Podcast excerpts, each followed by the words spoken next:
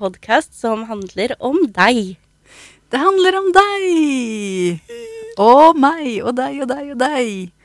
Og vi som sitter her i studio, vi er tre stykker. Jeg heter Kia.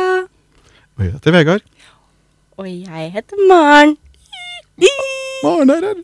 Vi har fått inn Maren øh, Glemte rekkefølgen på navnene dine. Det går bra. Kellus. Maren, Maren Fusika Ottosson Kellus. Maren Fusika Ottosen Kellus er her, også kjent som Maren Fuxia Celius Blix. Det er meg. Ja! Ja! Uh! Og det er veldig stas, og også veldig spennende, fordi det er aller første gangen at vi har åpnet opp ekteskapet og podkasten vår, vår ekteskapelige podkast. Vegard og jeg er gift med hverandre. Men ingen av oss er gift med deg. Nei, Men det er sant. Foreløpig. Foreløpig ennå.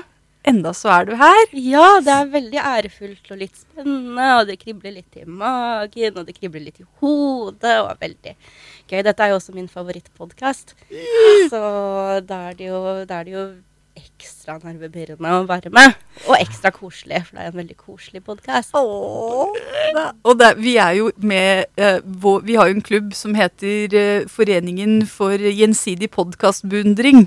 Ja. For det, Det det. du har jo vår yndlingspodkast som heter Det er så mye kjærlighet i studioene, så de, de vil ikke tro det.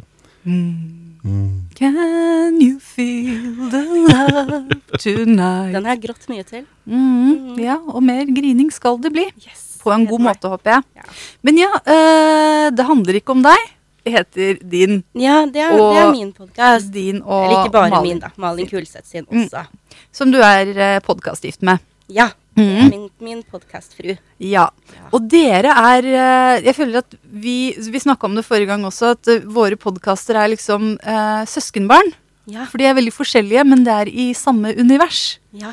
Og for dere er litt mer sånn Dere gjør research og snakker om sånn aktuelle samfunnsting og er litt sånn der smarte på det. Ja. Uh, og vi er mer sånn Vi snakker om følelser og livet, Odalen og slikt. Og mer sånn der Vi trenger ikke vite så mye om hva som foregår i, i nyhetene. Men vi har et felles verdigrunnlag, og det er jo hva, hva, hva er det kjærlighet overfor menneskeheten? Mm, ja, det, det er noe der, altså. At vi liksom uh... Selv om jeg virker ganske Jeg og Malin også virker kanskje litt sure og litt sånn grinete i, i vår måte å uttrykke den kjærligheten, mens dere tar liksom tak i de som runder og gode og mer intime, de følelsesmessige tingene og sånne ting. Så da, da fyller vi ut hverandre. Ja, det syns jeg òg. Ja. Ja. og dere, dere har liksom en mer sånn rettferdig harme, vil jeg kalle det. Jeg syns også det, så takk for at du sier det. Jo, bare hyggelig.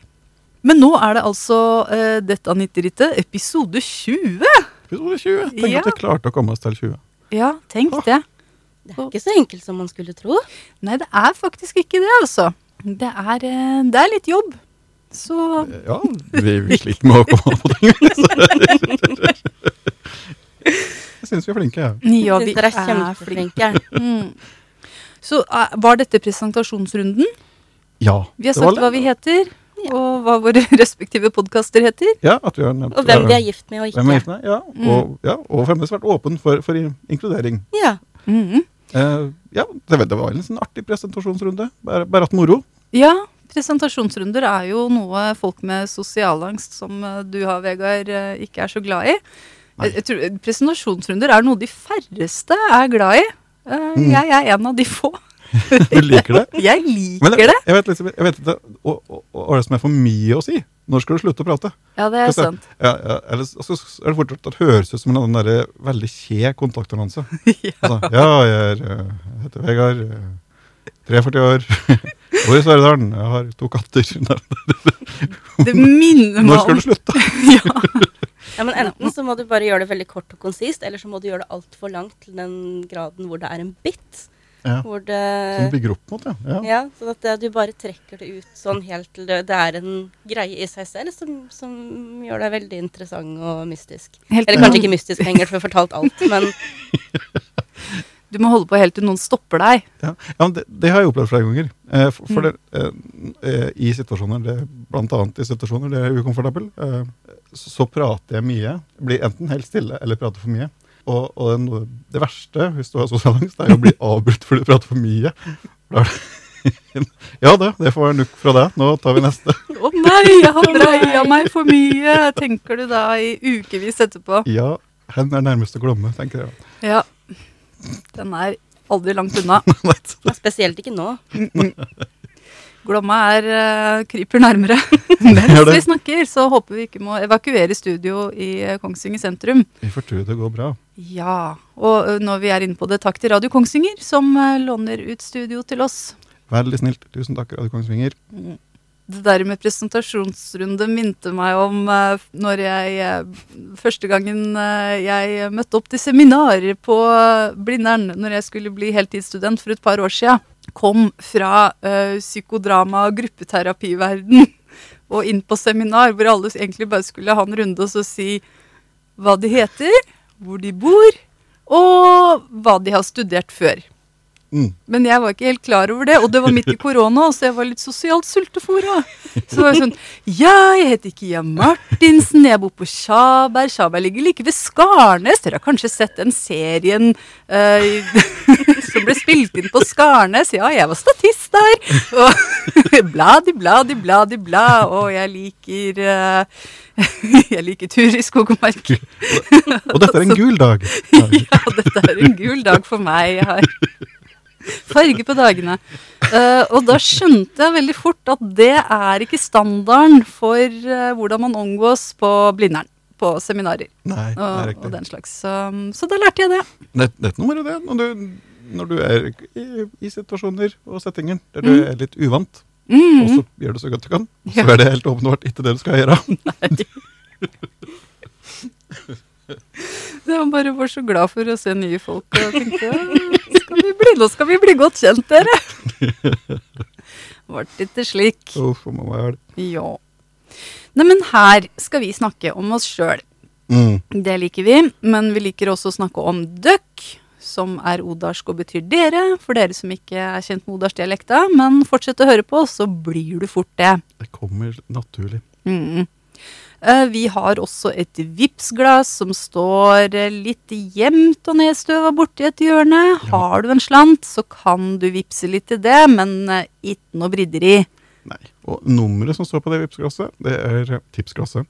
Vipps-glasset. Vipps-glasset. Det er eh, 81 34 59.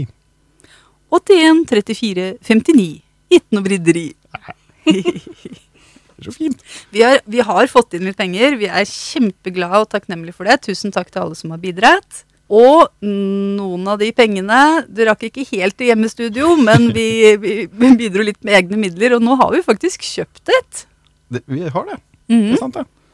Og vi må bare sette det opp. Og vi har etterlyst mansplaining av hvordan man gjør det. Og vi fikk inn en lang, nydelig, detaljert mail fra var en, vakkert, eh, ja, en, eh, en lydfyr. Ja, eh, Lydgubbe eh, in training mm. var det som ga oss hjelp der. Ja, men om han var in training, så visste han enormt mye, og alt vi hadde bruk for. Så Veldig behjelpelig. Tusen takk. kjempeglad for det. Det er en av få ganger jeg har bedt om å få mansplaining. Så ja Ellers da så kan folk skrive inn til uh, dette Nitteritet. Ja, da skriver du inn til nitteritet.gmail.com. at gmail.com har et spørsmål. Mm. Hvis du har et spørsmål som du vil at vi skal ta for oss, så bruker du den uh, uh, i posten. Ja, ja, for det er jo vi er jo en rådgivningspodkast. Vi er det. Litt sånn, men, men sånn råd på like fot. Vet du, like ovenfra og ned-råd. Nei, vi tror ikke at vi er noe. Nei, nei, nei. nei, nei. Men eh, Snarere tvert imot. Snarere tvert imot, ja. Faktisk eh, på en dårlig dag, eller ja, en gjennomsnittlig dag for enkelte, Mm. så trenger vi å få e-poster fra dere, ellers så får vi ikke snakka om greiene deres. For da Nei. veit vi jo ikke hva det er. Og da må vi kjøpe hjemmet, og det går også bra. Men vi vil aller helst snakke om døkk, så Det er klart. Koselig å få brev fra døkk. Mm -mm. Ja, eh, ellers eh, oppsummering av det siste tida. Eh, Ja. Vi har jo da fått eh, X, X-it, eh, Twitter. Exit. Det, fikk vi så raust spandert en invitasjonskode til Blue Sky. Ta en eh, 90 liter. Så har jeg glemt å sjekke om det var greit å omtale deg ved navn her i podkasten, så jeg kommer til å la være. Men du vet hvem du er, og tusen takk. Det var veldig snilt. Eh, og nå er vi på Blue Sky. Hurra! Hurra! Og dette fikk da som direkte konsekvens at vi dagen etter la ned aktiviteten eh, på dette 90-kontoen på Twitter. Kontoen heter Slette, den er det fremdeles som placeholder, men kommer ikke til å oppdateres. Så det kjentes godt å få avmuskes. Ja, godt å få den der muskellukta. Puster vi etter. Oh. Ja, nei, det, ble, det begynte å bli eh, ikke kaldt og utrivelig, jeg vil heller si sånn uggent og klamt. Klamt, Klamt og utrivelig. Klamt og utrivelig der inne. Det ble det. Ja. Altså, heretter så er det da Blue Sky, Mastodon og Instagram vi er. Alle med handelen at 90rittet. Og så er vi da på dette 90rittet på Facebook. Vi kan finnes der òg, så et drit i helvete, Elon. Mm. Den, eh, den støtter jeg. Den står vi helhjertet bak. Men uh, du, Maren, som jo er den som bestemmer på Twitter. Um, Ja. Eller var det, da? Eller hvordan føles det for deg? Nei, altså nå er jo den babyen ute av mine hender. Mm. Nå er den ute i verden, og nå Hvordan det går med den, er ikke mitt ansvar. Mm. Så jeg har jo gjort som dere, jeg har egentlig forlatt skuta, oppretta meg en Blue Sky. Kontoen min står på Twitter, kommer antagelig ikke til å oppdateres før Elon Musk jeg vet ikke, Eter drit i helvete? Eter drit i helvete. Dør gjerne en sånn jackass-utfordring med Mark Zuckerberg. Uh, Tenk om de tok hverandre. Jeg vet ikke, får hjerneslag av å se Elon Musk-kritiske memes. Mm. Eh, eller hvordan enn. Han kommer til å eh, gå ut av tiden. men, men ja, jeg, også, jeg har også tatt en ex, eh, exit. Så Mhm. vi får bare se hvordan det går fremover. Det er jo, jeg tenker på Blue Sky som en helt ny plattform for meg å være avtale på.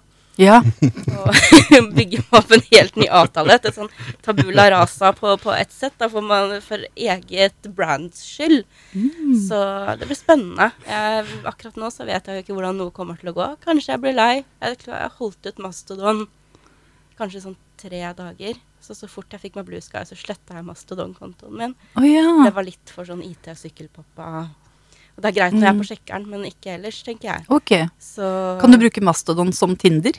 kunne kanskje ha gjort det. Fordel. Men uh, det høres slitsomt ut. Jeg vil heller være hjemme og spille videospill en liten stund. så, så vi får bare se. Men uh, det stemmer. Sjefen for Twitter har nå forlatt Twitter. Nå er det kun anarki, og ikke på den gode måten. Mhm. Så eh, enhver mann, kvinne og øvrig kjønnsidentitet for seg selv der borte. Jeg tar ikke ansvar for noen ting. Mm. Så det har Du toer dine men- hender. Ja. Vaske mine hender. Mm. Det eh, Jeg toer dem kanskje ikke. Det er sånn bibelsk uttrykk. Det betyr det, det samme. Ja, på, ja. Jeg trodde å toe sine hender var mer sånn at du nesten Mr. Burns eh, liksom nesten Nei, to mine hender, det var det, det var det Pontus Pilatus gjorde. Var det Så det? Ja, var det ikke det? Hvis det var det, så er det det jeg gjør. Ja. Ja. Ja. øh, Vasker sine hender, liksom. Kos og ses i annen retning. Mm. Vi får google det, men jeg jeg er ganske sikker på at det var det det var. Skal åpne her. Åpne brusen din, du. Ja, nå skal vi høre Maren åpne brus.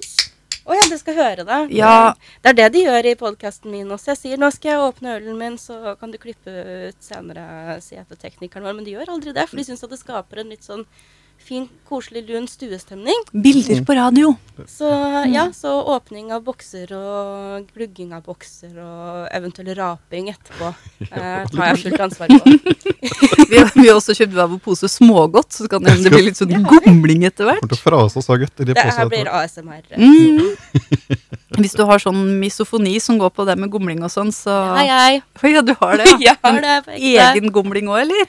Ikke egen gomling, men jeg har ikke headset, så jeg hører det ikke tilbake i mitt oh, eget ja. hode nå. Så det, jeg tror det går greit. Ja, så bra. Beklager til dere, eventuelt. Altså både dere som er i rommet, og de, dere som Vi får prøve å avgrense det til liksom uh, sånn at de kan spole over, så vi har noen gomlefrie um, perioder. Og så kan dere både skru ned lyden min og klubbe meg i hodet. Ja, begge Så deler, er faktisk. Ja, Begge deler fungerer. Kan klubbe deg med en eh, diger blokk med bingo, bingoark. Ja.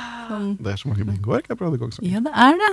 Spill eh, bingo på Radio Kongsvinger. Gjør det. Hver Ja, Vi har gjort det sammen. Jeg har vært hos Ja. dere og gjort det. Jeg elsker radiobingo i godt selskap. Fantastisk. Det er Mhm. tradisjon. det. Maren spiller alltid radiobingo med oss. Ja, så det anbefales. Uh, Aldri vunnet Nei. nå. Noen. Aldri vunnet på radiobingo. Men jeg vant i, i eh, lokalradio-bingo da jeg var liten. I til? nabodistriktet deres Solør. Oh. Da, oh. da vant jeg faktisk. På eh, Solungradioen. på Solungradioen. Mhm. Radio jeg tror, Ja, det er vel Solørradioen, bare. Mm.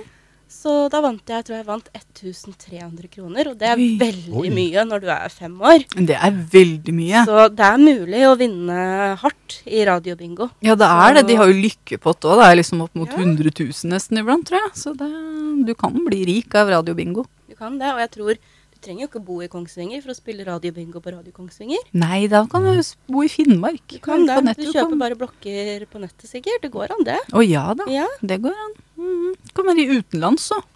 Wow. Mhm. wow. Vi lever i et globalt samfunn. Interkontinental Mm. radiobingo. Mm. Interkontinental lokal radiobingo. Ja, og da støtter du et fint lite lokalsamfunn og uh, alt mulig, så gjør det. Tommel opp for det. Å jo, nei, men det var det jeg skulle si. At, eh, at det liksom Men nå, er, nå gikk vi bort fra det med Twitter, da, men jeg hadde så lyst til å si at den æra liksom er over. Så jeg sier det nå likevel, jeg. Ja, gjør det. ja. Her er det vi som bestemmer. Ja, her er det vi som bestemmer. Og det, når jeg kjenner at det er litt sånn eh, Sosiometri er en ting jeg er veldig opptatt av som psykodramaterapeut. Og det handler om hvordan folk sitter i rommet. Og sånn som sosiometrien er nå, så sitter jeg liksom på teknikerstedet, og så sitter dere rett overfor meg og ser på meg begge to. det føles litt som jeg er på jobbintervju. Oh, ja. Hos min egen mann, og også Deres mor-barn Mor-barn og også Third. tredje. Ja. mm. Veldig interessant opplevelse. Hvis jeg satt i din stol, så tror jeg jeg ville følt det litt mer som at jeg var læreren, og så hadde jeg to veldig sånn eh, forventningsfulle elever som satt med Ja. Jeg Ja, føler jeg at jeg og Vegard har litt de vibbene, at vi sitter og ser veldig forventningsfulle Dere har litt de vibbene. Jeg føler mer enn vanlig at det er liksom jeg som styrer showet og sånn. Men sånn er det jo egentlig ikke. Vi er sammen om dette. dette nå samskaper vi. Nå setter jeg meg litt sånn mer vendt mot Vegard. Ja. ja. Det kan jeg prøve. Altså. Jeg Hvordan, hvordan ble sosiometrien nå? ja veldig god sosiometri. Det var ikke feil som, i stad, som det var i stad heller. Altså. Det var bare interessant. mm. Mm, oppleve hva det, hva det gjorde med meg. Men det jeg skulle si var om Jo, eh, vi kjenner jo hverandre fra Twitter. Ja. på en måte. Vi er liksom det, Og for nitterittelittere som ikke har vært på Twitter, så er det kanskje litt eh, rart å tenke på, men det har liksom vært et samfunn.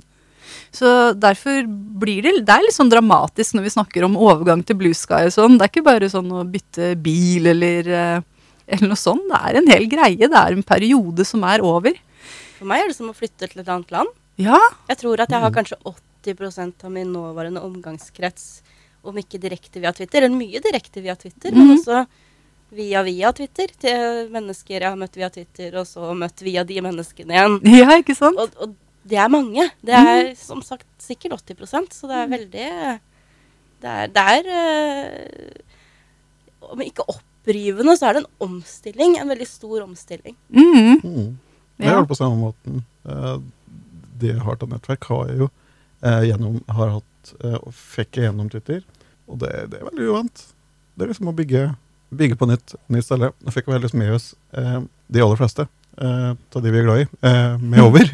Og kanskje kommer det enda flere. Ja, vi håper, håper, håper. Mhm. Kan jo hende det bare blir Det Det blir samme om, forferdelig, så drar alle tilbake, tilbake til Twitter. Og Eller kanskje du har uh, dobla omgangskretsen uh, om noen år. Nå ser jeg nesten at du setter sånn korsets tegn og nei. omgangskrets, det er det verste jeg har hørt. Blir kvalm når jeg hører på nei, men nå er vi jo over omgangskretsårene våre. Nå, nå, er vi, nå er vi der hvor vi har samla omgangskretsen vår og er ferdig med det. Ja. Og nå beholder vi det vi klarer å beholde av det. Ja. Så får vi heller se når vi blir i pensjonistalder, om vi begynner å begynne på en sånn bridgeklubb eller noe sånt. Nå. Mm, Da kan vi bli litt utadvendte igjen. Nei da, snakk for dere sjøl. Jeg driver og samler på folk her og der. Og, Det er samlefast. ja. Det er en fryd å være vitne til. Ja, er det det, Vegard? Er det egentlig det? Nei, det er det, men, men jeg unner deg det. Ja, det gjør det. Jeg ser med stor, stor frykt ser jeg på det, men, men jeg samtidig unner deg det. Ja, nei, for det. Jeg ville, ville så gjerne si noe fint. Ja, takk for det, Vegard. Du er veldig tapper som holder ut med en uh, sosial kone når du selv er ekstremt asosial eh, og angstete. Vi må alle få være oss sjøl. Mm. Plutselig sitter og hamarsinger i huset ditt. Og, Ja, og taler åt meg. Vi skal jo snakke om øss, det pleier vi alltid å gjøre. Nå er vi jo tre stykker til å snakke om øss, så dette blir jo eh, Ja, eh, langt. Det blir langt og moro. Ja. Kan jeg finne fram mat Men ja, vi, vi hadde jo et redaksjonsmøte i går. Uh, hvor vi skulle planlegge litt. Og så ble det litt sånn at Vegard har planlagt veldig mye. Maren og jeg not so much. Så i dag er vi faktisk uh, Jeg er mer enn gjennomsnittlig uforberedt, for vi har ikke snakka noe om rekkefølge og sånn. Men du pleier å spørre Vegard først, gjør du ikke det? Mm, nei, vi pleier å bytte på. Ok. Mhm. Mm. Så, så nå lurte jeg på om vi skulle spørre deg først. Meg først. Rett og slett. Eller vil du sitte og varme opp litt mens vi prater om oss sjøl? Kanskje jeg skal gjøre det? Ja. Det kommer an på hva dere vil, fordi at nå er jeg gjest i deres hus. ja. Så da gjør jeg som dere vil. Det, det høres jo fryktinngytende ut å starte. Ja, for jeg tenker kanskje det er mest behagelig for deg også. Jeg vil at du skal føle deg komfortabel og vel i, eh, i vårt hjem og i vår podkast. Så da er det kanskje greit å la, la oss gå først. Gjør, gjør gjerne det, og så kan jeg, kan jeg smette inn etter hvert. Ja, du får lov å, å komme med uh, bi, bifall, hva heter det? Positive tilrop. Applaus. Ja. Sånn derre mm, aktiv lytting. Mm, Aktiv lytting, ja. Jeg prøver å unngå det akkurat i podkast. Ja. mm. Men, uh, men hvis det er lov akkurat her, Mm, så kan mm, jeg ta mm. ja på innpust. Ja. så jeg skal gjøre det igjennom. Akkurat, ja. Mm. ja. Altså, Mm. jeg, jeg legger merke til at det er veldig, veldig artig, for eh, når Maren er i studio, så, så blir det liksom Da tenker jeg med en gang at oi, vi er på besøk i podkasten i morgen. så koselig. Å nei, ikke dritt ut. Ikke dritt. Ja, men det, det har jeg tenkt over uh, før også, at det å ha besøk, det er litt som å være på reise. Liksom. Det er liksom å dra på besøk også. Man er ikke helt Livet blir litt annerledes, man får litt Ja. av verden inn og sånn. Så vi er liksom jeg tenker Hver gang jeg drar ut i verden, så blir jeg en litt annen. Og hver gang jeg har besøk, så blir jeg også en litt annen. Vender smørsida til litt og sånn, da. Støvsuger og, og sånn. Men også liksom Men med det sagt, så var det fortsatt lov til å være deprimert, Vegard. Å, det var flaks. Så- Ellers så har jeg ikke noe, skjønner du. Det, det er det jeg deprimert hva jeg skriver her på notatene. Ja. Ja. Ellers så er det veldig lite. Da begynner vi med å prate om deg, Vegard. Ja, jeg syns det. Skal vi gjøre ende på det? Ja. Ja. Um, ja, nei uh, Tja, åssen har jeg det da, Vegard? Jo um, Overveldet, overarbeidet, eh, eh, kan bli utbrent av å jobbe med seg sjøl og ta terapi. Eh, det er iallfall jeg. Det har vært mye terapi.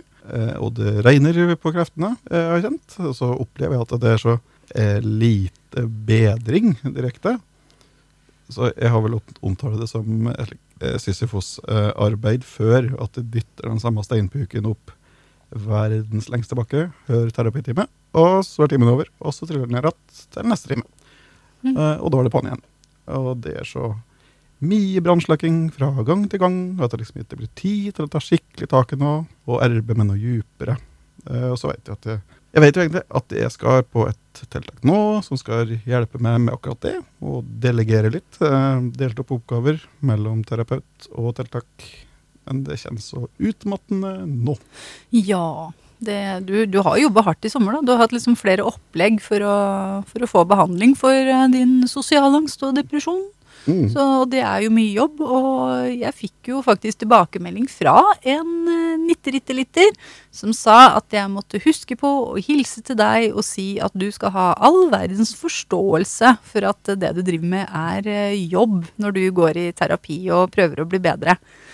Så Jeg er også helt enig i det. Det var ikke jeg som var den nittrittelytteren, men, Mm. men eh, jeg er også helt enig. Og jeg har gått sånn 20 år i terapi, så jeg, jeg kjenner Du til følelsen.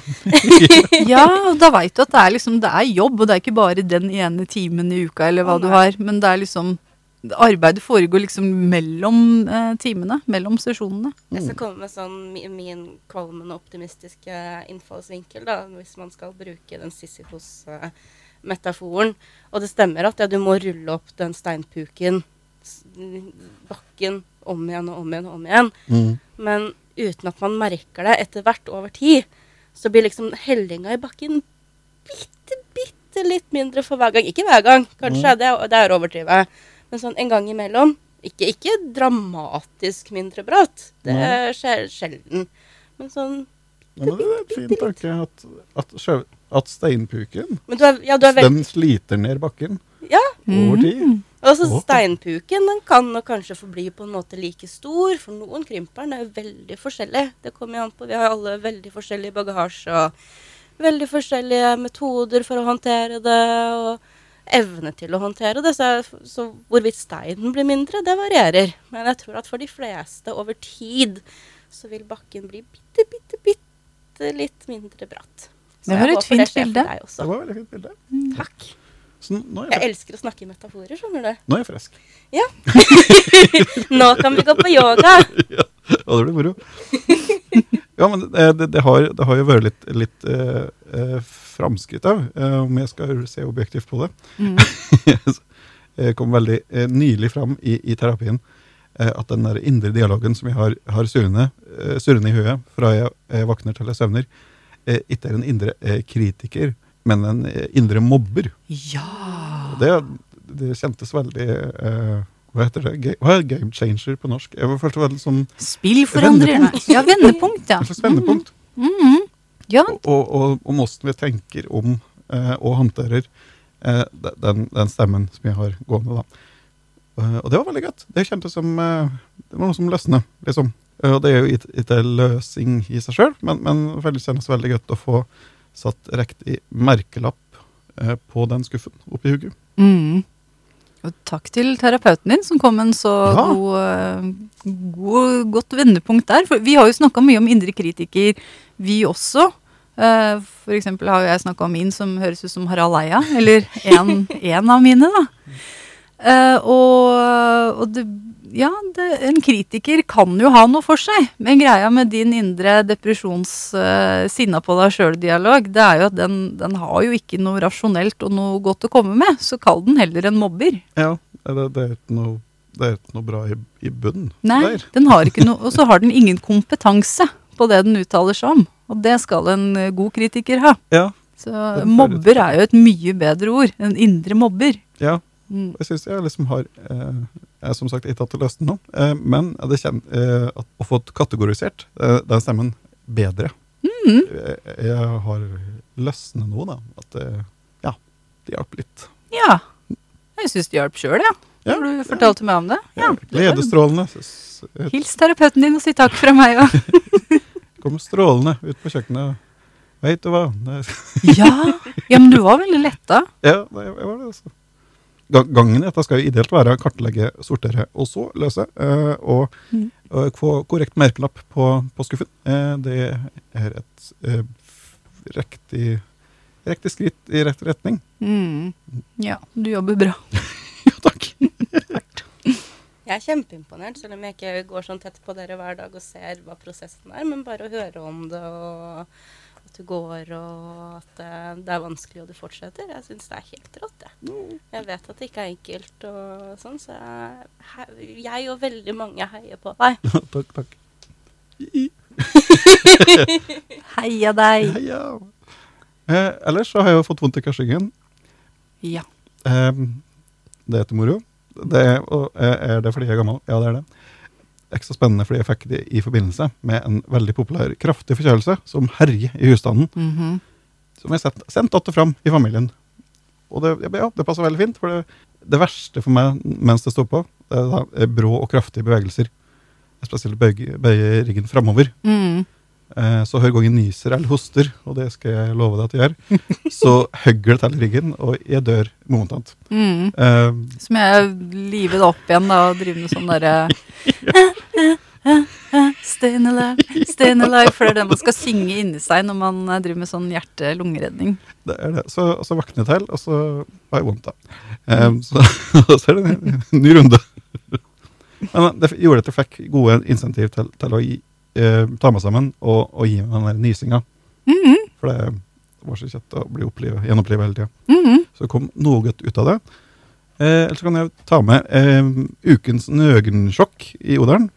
Eh, vi har jo nå en urgammel tradisjon gående for at minst av oss uforvarende, og uforvarende er viktig, viser fram understellet for en uskyldig tredjepart. Og når det er jeg som har vært uttatt. Eh, det, det er jo Kersrygg-relatert, for eh, jo da. Eh, forrige uke så var jeg tidlig oppe med vår mektige datter. Dette var midt i eh, Kersryggeddon. Eh, så det tok et kvarter å smerte seg opp fra senga og bøye seg for å finne et par, par, bukser. Som, ja, det var helt uaktuelt å ha på bukser. For jeg hadde, så, hadde den riggen da, som prøvde å myrde meg. Mm. Men jeg tenkte jeg trenger ikke langbukser. Jeg kan gå i bokser jeg. Til, til Akia kjører mektig datter til barnehagen. Var det de fine boksershortsene med smultringer på, eller? Det var ikke de denne gangen. Nei. Jeg, jeg var litt mindre. Litt mindre. De pikante bokserne dine. De pikante, ja. Det var de hvite med hjerter som nabohunden har tatt et jafs ut av baken på. Det gjorde det. Eh, men så hadde vi ikke vært oppe lenge før det dundret på døra. Og da ble jeg selvsagt så oppkave at jeg, jeg gikk i fight or flight-modus. Eh, jeg valgte da, eh, Min vane tru, så valgte jeg da det tredje alternativet, eh, som sjelden blir nevnt, altså freeze. Mm. Det liker jeg best. Eh, denne gangen valgte jeg dessverre, dessverre for meg, og enda dessverre for andre, en variant av frys, eh, som innebar da å først stølpe meg bort til døra og åpne, og så fryse. Ja. Så der stod jeg med bokseren min. Måtte gjennomføre ei samtale og huske å holde blikkontakt lenge nok og si mhm på rette plasser eh, med utleieren. Eh, og den blide litauiske maleren som fulgte med fra entreen som tilskuer. Så oppdrag utført. ja, så bra. Da var eh, ukens blotting eh, overstått. Ja. Utført av deg. Da blir det opp til eh, meg, eller kanskje vår husgjest. Ja, eh, jeg neste tenker jeg har jo fortsatt døgn på meg til å, å blotte meg for noen. Du så- skal være hos oss til i morgen. Ja. Kanskje det blir nattbading. Ja, hvem, Hvem vet? Dere har jo muligheter til sånn eh, i det lille eh, hjemparadiset deres. Så mm. kvelden er ung, tenker jeg. Uka er ung. Uka er ung. Det blir spennende å fortelle om uh, neste gang vi snakkes. Ja. Uansett så skal det i alle fall blottes. Det skal plasseres. Ja, det skal, Uten at vi bestemmer oss for det, men vi Ja, klarer det, liksom det kommer ikke til å være meninga. Vi kommer til å være veldig lei oss. Men det kommer til å skje. det, det, det til å unngå. Vår mektige datter også har jo meldt seg inn i det. Så, så hun maleren som du nevnte, sto jo i gangen når datteren vår bestemte seg for at eh, hun slett ikke trengte å få på seg ny bleie med en gang den gamle var eh, tatt av, og gikk ut i gangen og sa 'jeg har ikke bleie, jeg'. Ja, må, begynne tidlig med familietradisjonene, så det blir en sånn eh, Det sitter. At det er internalisert og kommer naturlig. Det er sant. Må være, må være fra, fra, fra barnsben av. Nå var det veldig mye om meg. Er det noen andre som har opplevd noe siden sist? Jeg kan snakke litt om meg sjøl, jeg. Ja. Alltids. Ja, jeg har vært for sjuk for Audunbakken. Bu. Det var veldig bu. Det var skikkelig kjedelig å få den derre seinsommerforkjølelsen akkurat eh, når Audunbakken var, for det hadde jeg jo gleda meg til. Jeg snakka om det forrige gang, at Audunbakken er noe som gjør Odalen og verden bedre. Og det har jo skjedd og gjort manges eh, liv bedre. Det var sikkert en kjempefin helg for de som var friske og dro. Jeg lå hjemme og snørra og bar meg. Så det var kjett. Det var det. Men eh, er på bedringens vei nå, da. Vi, eh, vi har jo smitta bestemor også, som ble litt sånn eh, Ja. Og, og nå Maren, så det, det, det sprer om seg. Vi, vi, vi, er, patient zero Ja. i, Ja, i dette. faktisk ikke ennå, da. Det, Nei, ja. vi, vi får se når helga kommer, om det jeg blir liggende rett ut. Ja, jeg skal uh, be for at uh, du ikke blir rammet. Jo takk, jeg setter pris på det. Men ja, jeg, jeg fikk jo en litt sånn eh, Til og med utadvendte meg. Altså, det kan eh, Det er ikke alltid den beskrivelsen stemmer, at jeg tar sånne alle sosiale situasjoner på strak arm. Og i dag, eh, før vi dro for å spille inn og vi skulle ordne med barnevakt, bestemor skulle komme og hente vår mektige, flotte datter, og hun kom og var sylte forkjøla. Og liksom, jeg, jeg kjente så mye på den dårlige samvittigheten over at bestemor stakkars måtte være barnevakt. Først uh, smitter dere henne, så tvinger dere henne til å sitte barnevakt uh, mens hun er syk. Og i tillegg så er tørketrommelen vår ødelagt, så jeg har lånt tennis og glemt å ta ut tøy igjen. Og det er liksom For en sånn ordensdame som henne, det er liksom bare Det er ikke det at hun dømmer meg for det, men det er bare at jeg kjente sånn skam. For jeg vet at det hun kunne aldri falle henne inn og la klær ligge i tørketrommelen ferdig tromla i to dager, som jeg har gjort. Og da fikk jeg en sånn der eh, voldsom Da måtte jeg jobbe med meg selv, altså. Og akkurat samtidig da, mens vi sto ute på trammen og drev med det der, jeg kjente på den skamma, så kom huseieren eh, igjen og begynte å koste på trammen vår. For at det ikke skulle trekkes inn så mye sånn der trebøss som det er masse av nå. Og det, det burde jo jeg ha gjort, da, tenkte jeg. Det var, det var eh, Vi- vi jeg, ble, ja, jeg fikk veldig lite høy i hatten da, og da ble det sånn en veldig rar sosial situasjon. For jeg ble bare stående, og så kom jeg meg ikke inn heller, for hun sto i veien. Og så hadde jeg så lyst til å si ja, men jeg kan jo gjøre det, men så fikk jeg meg på en måte ikke til det heller, for det hadde blitt for rart. Om dere skjønner hva jeg mener? Mm. Liksom, Oh, ja. så det var liksom bare en sånn situasjon som var helt umulig å komme ut fra. Da, da blir det ofte tatt Da blir bare stående, men Ja. med veldig store hender. Ja, veldig store hender! Ja. Og liksom åh. ja. ja. Det er godt har vart om dagen. ja, så det, det, er eh, Jeg jeg har hatt det sosialt vanskelig i dag. ja, og så var det det med eh, Det henger litt sammen med Ikke si unnskyld-prosjektet mitt. For der, når jeg sto der og hadde fått eh, barnevakt eh, av syke bestemor og ikke kosta egen tram Jeg hadde ikke feid for egen dør, for å si det sånn. Da ble hele meg til en stor unnskyld, på en måte. Uten at jeg sa unnskyld. Du var veldig unnskyldformet. Jeg var veldig unnskyldformet. Ja. Mm. Jeg har fått meg en spirituell life coach. Uh, Ja, hey. jeg er veldig fornøyd. Uh, vi har uh, tre samtaler um, fordi ja, er, jeg, har fått en sånn pakke med tre samtaler med eh, Siri Embla, heter hun. Og henne valgte jeg fordi hun ehm, eh, reklamerte for seg selv som spirituell life coach. Og jeg tenkte jeg trenger en å prate med. Jeg trenger å få litt veiledning fra noen som ikke kjenner meg, som kan gi meg en eh, boost. Og så eh, jeg, er, eh, jeg regner meg selv som veldig lite sånn Jeg kaller meg ikke spirituell, da. Sånn som driver med astrologi, human design og, og sånne ting. Og så det er veldig Det er langt unna hvordan jeg driver, så da tenkte jeg det er jo kjempefint, for da er jo det noe helt nytt for meg. Og så viste det seg at uh, hun er kjempeflink!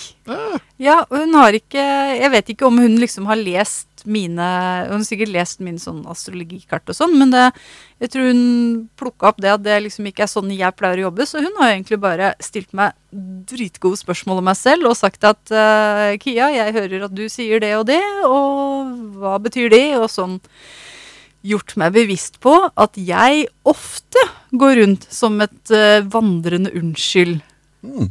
Og da ikke bare i å si unnskyld, liksom, bare ordet, men at det er sånn Ja, jeg, jeg driver litt sånn, jeg, da. Hehehe. Eller sånn. Eh, jeg tror En ting hun grep tak i, var at jeg omtalte meg selv som eh, Jeg er litt sånn sen blomstrer, jeg, da, fordi jeg ikke fikk eh, barn før jeg var 40, og liksom driver og utdanner meg nå. og bygger, bygger opp en praksis og liksom har veldig, jeg føler jeg har liksom lite voksenpoeng som jeg liksom følte jeg måtte komme Jeg måtte på en måte unnskylde meg for det i samtalen da med, med hun, og da ble det sånn veldig åpenbart for meg at jeg går rundt og sier unnskyld hele tida. Jeg sier unnskyld med kroppen øh, når jeg tar trikken, for at kroppen min tar mye plass. Uh, så det er liksom uh, helt unødvendig. Eller ja. Det, det er noe jeg vil slutte med, i alle fall. Så nå har jeg sånn derre prosjekt med å ikke si unnskyld. Med mindre jeg liksom tråkker noen på tærne eller gjør noe som sånn rent uh, folkeskikksmessig bør si unnskyld for. Mm. Så Ja. det, det går som passe. I dag ble jeg veldig full av unnskyld, men uh, det er en Men du, hadde jo, Prosess. du hadde jo bra folk eh, sittende klare i, i stua, Ja. og som fikk det på rett kjøl igjen. Ja, jeg fikk litt sånn der eh, nødterapi av dere to. det satte jeg pris på. Bare tenkte at denne følelsen har jeg ikke lyst til å ha i kroppen. Jeg går og deler det med to kloke og gode folk. Mm. Fant du Østestellet, da. Men, Ja. men det gikk jo bra. Ja, så var det dere da som var det. Og nå skal jeg komme til det morsomste med å prate om meg, og det er at du er her. Er det såpass? Ja. Og det er litt sånn sånn For det, vi får jo altfor sjelden besøk, syns nå jeg, da. For jeg vil jo at livet skal være som i den sangen med The High Woman, Mm. hvor de synger om crowded table. Skal sånne langbord og folk som kommer og går og, og sånn. Vegard blir så blek når du sier sånn. Ja. Ja, det, er artig er at jeg, jeg, jeg, jeg føler jo at folk renner ned døra, ned døra hele tida.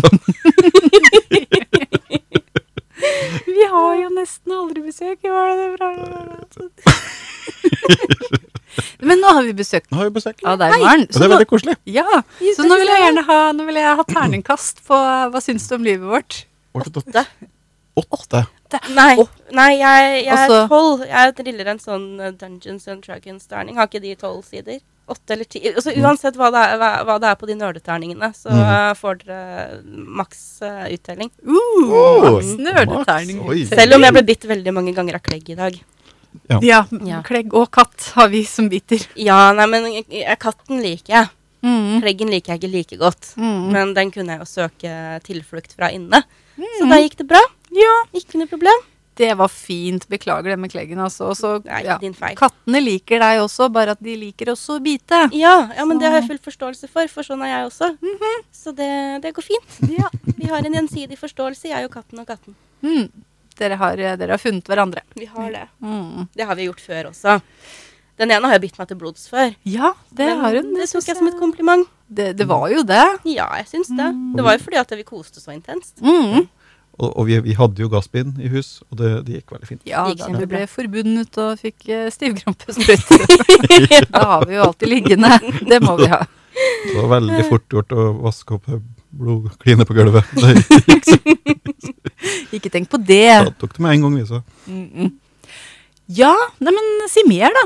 Si mer om, eh, om å være hos dere. At Ja. det er kjempetrivelig, og det var som å komme til et sånt hotell. Jeg hadde håndklær liggende klare, og ikke, ikke nok med det. Jeg hadde også en telefonlader som liksom var plugg, plugga inn, og som lå sånn fint ved siden av hodeputa, klar til å Og så har jeg jo fått uh, kjempegod pizza, for nå har du begynt å komme over kantarellfrukten din, eller soppfrukten din. Ja. Så jeg fikk kjempegod kantarellpizza, og det hadde jeg aldri spist før. Mm. Hvordan, uh, hvordan gikk det?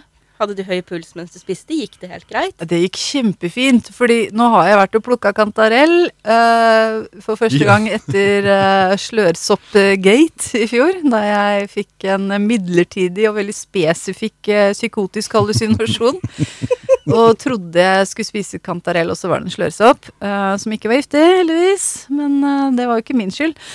For å si det sånn. Uh, jo, men nå har jeg plukka kantarell, og så la jeg den ut på min Facebook. Og mange svarte der at denne ser veldig god ut og helt spiselig. Og så la jeg den til en sånn der soppgruppe.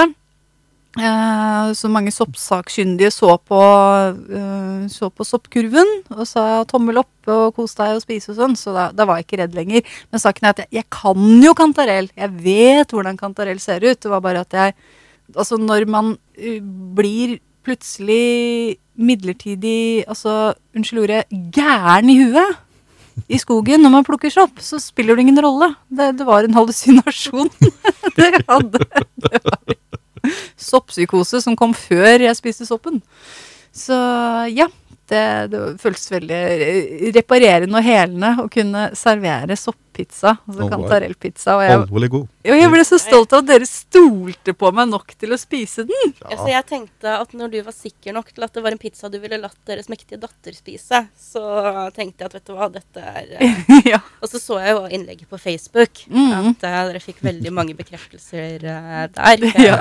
Du sjekka svarene før du åt. Altså, jeg sitter med høykeblikk og følger med på alt dere gjør på internett uh, på alle plattformer til enhver tid, så jeg trengte ikke Det Det var jeg ikke noe spesifikt for denne anledningen. Nei, riktig. Nei. Så, så det visste jeg. jeg. Jeg følte at jeg gikk til en trygg pizza. Mhm. Så, Men det, det var veldig godt. Altså. Så alle som får anledning, eh, et eh, kantarellpizzaen til Kia. ja. Jeg kan også prøve å lage en selv. Den blir ikke like bra, men eh, ta ideen. Det er nok best når jeg gjør det, ja. Ja. Mm. Jeg lagde også en grønnsakspizza. Ja. med grønnsaker fra Skarstad. Fra Skarstad. Tomatsaus fra Skarstad. Grønnkål fra Skarstad. Mm, Jeg er uh, offisielt grønnkålsentusiast nå, som følge av dere. Ja, vi har omvendt deg. Ja. Altså, det var ikke, det var ikke det at jeg hadde noe imot grønnkål før. Det er bare nå har jeg en aktiv entusiasme for grønn- grønnkål. Mm, du var mer likegyldig før, men nå skjønner du hvor godt Ja, det er med grønnkål! ja, ja, absolutt.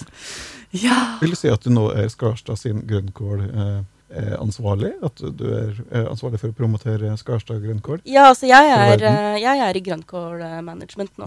Det er helt riktig.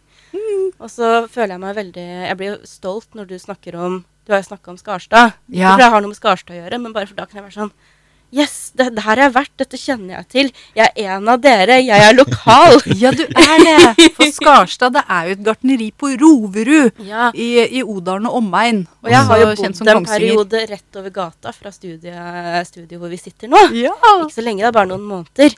Men da var jeg jo på Skarstad, så det er jo sånne ting som jeg har hørt om før. Og da ble jeg sånn Yes, jeg er en av dere. Du er Du er lokal. oss, altså. Og nå har jeg spist eh, tomatsaus fra Skarstad også, og den var At den er så god! Den var veldig god. Jeg gruer meg til de um, skal stenge for uh, sesongen, ja. Men de holder åpent. dem til å holde åpent? Ja, de, de, um, de holder åpent til uh, gresskarsesongen i hvert fall. Så det blir uh, Skarstad gresskar til uh, halloween. Nå har vi bare en liten dansesesjon her mens det kjører forbi en russebil eller noe. Jeg vet ikke, Det er ikke akkurat tida for eh, russebiler heller, men det, det er en bil som leker at den er russebil, tror jeg. Så, Jeg tror det er eh, en helt ordinær Kongsvinger-råner. Ja, det er det sikkert. Ta det fra noen som eh, bodde over gata her. Ja, stemmer det. Nå kom jeg på at jeg skrev faktisk semesteroppgave i den der sosialantropologiemnet jeg tok om, uh, om Kongsvinger-rånere. På ekte. Ja, men uh, jeg intervjua ingen da. Jeg bare Det var sånn der Jeg skrev spesifikt semesteroppgave om én, én tråd på Facebook hvor de krangla om parkering parkering i Kongsvinger sentrum. Alt kommer sammen. Det kommer vi til å legge ut link til. Eller jeg vet det. Jeg tror ikke det, ass. Men uh, den var helt grei. Ja. Og mer enn det. Mm. Bra. Ja. Ok. Maren, Hei! nå skal vi snakke om deg. Om meg? Har vi ikke akkurat snakka om meg? Nei, vi snakka om hva du syns om oss. Å ja. Ja, men det teller jo litt som å snakke om meg. Ja, det var en oppvarming, da. OK, ok, skjønner, skjønner. Nå skal vi inn i det nære og personlige. Hva har jeg gjort siden sist? Ja, Siden hva har du gjort i det siste? Hva er viktig for deg i livet akkurat nå? Um, ikke så mye, egentlig. Eller altså, for et halvt års tid siden så kjøpte jeg jo mitt eget lille hus. Som jeg flytta inn i. Mm. Og da liker jeg egentlig å være mest mulig der. Med pusen min og pusen min, og bode inn lite grann. Være for meg selv. Spille, spille Donkey Kong. Få litt besøk noen ganger. Men generelt så har det vært veldig sånn eh, Har ikke gjort så veldig mye og trivdes veldig godt med det. Fått meg første peis. Jeg har aldri hatt peis der jeg har bodd før. Mhm. Så det er jo veldig stas for meg. Og at Mhm. vi har en dårlig nok sommer til at jeg kan fyre litt innimellom. Ja, heldig med den. Mhm. Så koselig. å Og firehjommen. Å, eller firepeisen. Kanskje ikke fullt så gøy å bære ved, men så langt har jeg egentlig ikke kommet. Og så har man jo menn til sånne ting. Ja, det var det akkurat det jeg skulle si. Man har også sterke kvinner, men nå snakker jeg i mitt spesifikke tilfelle. Jeg Mm. prøver ikke å si at kvinner ikke kan bære ved. Nei, men uh, i ditt spesifikke tilfelle så, så er det en uh, handlig, eh, identifiserende En hannlig kjønnsperson. Ja, det er det er det, er det det er. Hannlig identifiserende kjønnsperson. som bærer din ved. Ja. Å, så fint. Så, så ja, jeg har egentlig mest, mest vært hjemme. Og så har jeg jo lært Nei, vet du hva, ingen som egentlig har spurt meg hvordan det går, så det er jo ikke det jeg har blitt spurt om. Så da, da kan vi skippe det. Er det ingen som har spurt deg hvordan det går? Ikke på den måten. Jeg mente at jeg har, jeg har fått spørsmål om hva jeg har drevet med i det siste, ikke hvordan det har gått i det siste. Ja. Jeg skulle Kan jeg fortelle dere om hvordan jeg har det? Nei da. ja, Ja, men jeg har det Det ikke så det- spesielt i noen dette handler om deg. Dette handler om meg. Ja. Nei, jeg, bare, jeg var litt sånn forberedt på spørsmålet, for dere pleier å ha den. Ja, hvordan går det, Vegard? Veldig Ja. dårlig. Og hvordan går det, Kia? ja, det var implisitt. Det er liksom implisitt. Mm. Og så var jeg sånn jeg, jeg har jo lært av Vegard at man skal slutte å være flink og alltid si uh, Svare ordentlig. Og så var jeg litt Mm. sånn nei, må jeg svare ordentlig? Men så fant jeg ut at det er ikke så skummelt å svare ordentlig, egentlig. Så nå begynte jeg å svare ordentlig uten at noen, gang, noen en gang hadde spurt meg. Uh, men nei, det har, det har gått veldig opp og ned. Og litt også opp og ned samtidig. Mm. Uh, og det er jo én ting når det bare sånn går sånn opp og ned, da har du sånn bølger og daler, men så er det plutselig sånn opp og ned samtidig og sånn. Uh, så jeg siste måneden har vært veldig angstete. Sånn, Mm. sånn, sånn, og da, da tenker jeg at da, da må man komme seg litt ut blant folk. Så nå er jeg ute blant folk, Yay! og det funker kjempebra. Jeg har, har, jeg har det fint i dag, sånn i, i skrivende stund. Så, så det er mitt tips etter å, å gjøre yoga og snu tankene. å gå en tur, det er å, komme seg litt ut blant folk. Men det må være fine folk, da. Og jeg, jeg fant jo de fineste. Og Jeg vet at ikke alle kan være like heldige som meg. Men, eh, men eh, det er verdt å gi det et forsøk, et ærlig forsøk. Ja, og det er faktisk mange fine folk eh, der ute. Som mm. en uforbederlig optimist som uh, tror på menneskeheten, tross alt. Nei, det er å dra det litt for langt. Jeg tror faktisk eh, menneskeheten er uh, stort sett uh, rass. Men blant alt det rasset Blant rasset så finnes det bra så mye Ja. mer bra enn man kan forestille seg. Ja, men det er akkurat det. Så mange flere enn man kan tro. Det er mm. bare at man enten må utvide horisonten, eller noen ganger zoome enda litt bedre inn. Det varierer jo egentlig veldig. Mm. Ja, godt sagt. Mm. Så må man liksom For det er jo ikke alle som er like sosialt anlagt. Jeg tror at jeg er et sted mellom dere to. Jeg har liksom Ah. Jeg har jo ikke unnvikende personlighetsforstyrrelse eller oppsøkende personlighetsforstyrrelse. Er Kanskje sånn oppvikende eller unnsøkende. Unnsøkende. unnsøkende. Oppviglende. Oppviglende. Det har jeg i hvert fall. Det, ok, det vet jeg at jeg har. Så, så jeg kan jo være litt sånn jeg, jeg vil egentlig være litt rundt folk, men når jeg blir litt sånn sliten og litt stressa og sånn, så isolerer jeg meg veldig. Mm. Og da blir det jo egentlig bare verre. Så det, det er bare å finne den balansen mellom hva du faktisk klarer, og hva du bare ikke har lyst til, og hva som kanskje kan bli kjempegøy hvis du bare gir det en sjanse. Mhm. Så det er en sånn evig eh, sånn runddans som jeg har med meg selv.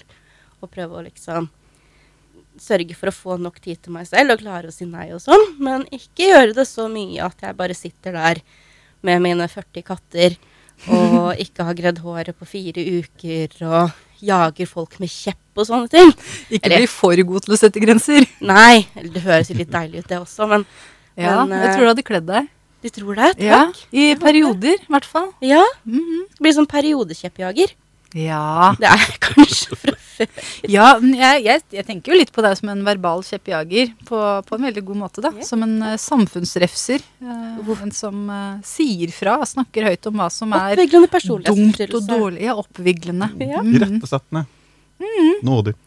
Ja. Setter fingeren på ting som er uh, dumt og dårlig. Og nå har jeg ikke gjort så mye av det på en stund, siden jeg ikke har vært Nei, på Twitter. se hvordan det har gått. på- Ikke sant? Så Mhm. det er bare å komme seg tilbake i, eh, i salen Ja. og, og bare begynne med det Du igjen. må være en del av det offentlige ordskiftet. Jeg må Ja. egentlig det. Og så ser jeg på, nå har det jo vært uh, ekstremvær hans, Mm. så det har jo vært dårlig vær, og så er man ekstra mye inne og sånn. Vet du hva, Det her er kanskje bedre til i Natt jeg drømte-spalten din, men der vil du jo eh, snakke litt om drømmene. Min var jo veldig sånn selvforklarende, for det har vært eh, flom. Og så har jeg sittet inne og spilt masse Donkey Kong, så jeg endte med at jeg flere ganger drømte at jeg var i nabolaget mitt, og det var flomma over. Det var flom. Mm. Bare at jeg måtte bevege meg gjennom det landskapet som om det var en Donkey Kong-bane. Oh, ja, Svinge ja. meg liksom fra liane til liane, samle bananer, hoppe på sånne tiki-påler og sånn. Og så møter jeg folk og situasjoner underveis som er folk og situasjoner fra livet mitt. Så det var sånn veldig sånn Ja, Maren, nå er det på tide å ta seg en tur ut. Og da dro jeg til Odalen, og det er jeg veldig glad for. Så, så Her skal sånn du få masse bananer. Yeah! Så mye bananer du vil. Hurra! Eh, Både i bokstavelig og overført betydning. Ja. Jeg, jeg, jeg trodde jeg fikk banan, men det var en gul squash. Ja, det er sant det. Du trodde du fikk min berømte bananpizza i går, og så Ja. var det gul squash-pizza. Ja. Men ja, sånn kort oppsummert så er det det jeg har drevet med. Jeg har flytta, og så har jeg spilt Donkey Kong, og så har jeg klappa katten, og så har jeg hatt angst, og så har jeg dratt til Odalen. Ja. Ja. Og så har du hatt en vidunderlig drøm. Da Ja. får vi kjempefin overgang òg, for nå er det jo tid for uh, I natt, ja, drømdespalta. Det er det. Yay. Det visste jeg ikke, så det her var veldig intuitivt av meg. Eller er det bare du som bestemte det nå for at det passa så godt? Nei, jeg tror det er din uh, intuitive sans for uh, overganger og uh, hva som. Skal du synge introen, Mikke? Stemmer det. Vi har jo ikke vignett. Må jo synge intro. I natt jeg drømte noe som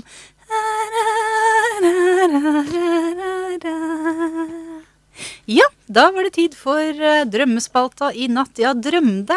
O, ohoi, dere, takk som sender inn drømmene deres. Det har jo vært eh, lettere å få folk til å sende inn drømmene sine enn problemene sine. Kanskje ikke så rart. Drømmer er kanskje ofte litt mer tilgjengelig å få eh, formulert og sendt av gårde. Vi har faktisk fått så mange at det ikke ble plass til alle denne gangen, så da sparer vi noen drømmer til neste gang også. Så hører du ikke drømmen din i dag, så, så er den på vei, altså. Ja. Men det er jo slik at har du drømt noe artig, så send inn allikevel.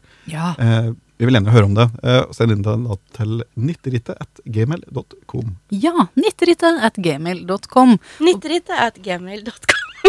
Så bra! Du er en av oss.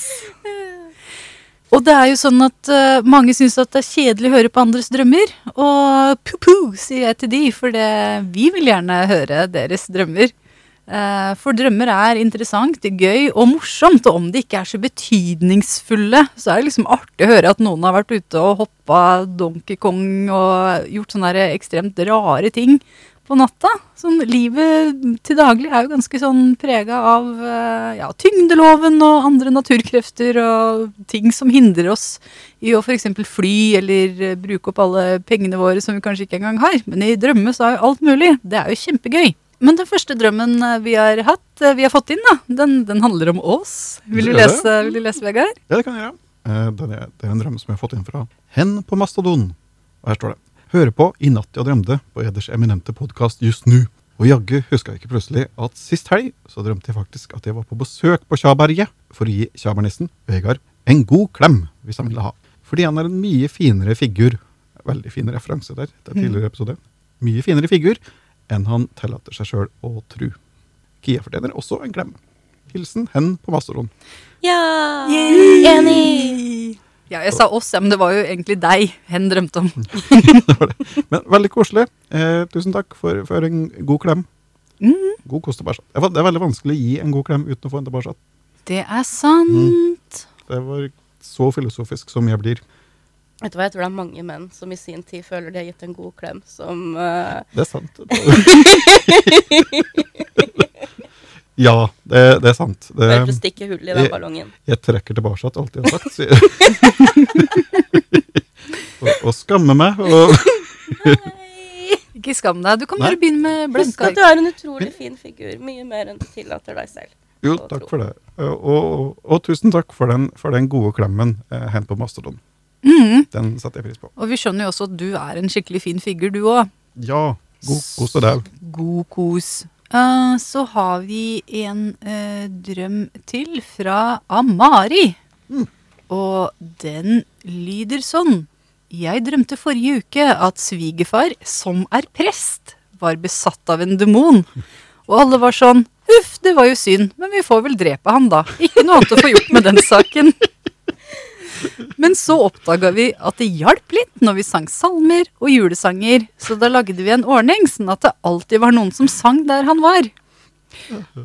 Så det var drømmen, da. Og så skriver Amari videre. Mannen min var veldig imponert da han fikk høre drømmen, og syntes den var realistisk, fordi det verste svigerfar veit, er hvis noen synger og han ikke får være med.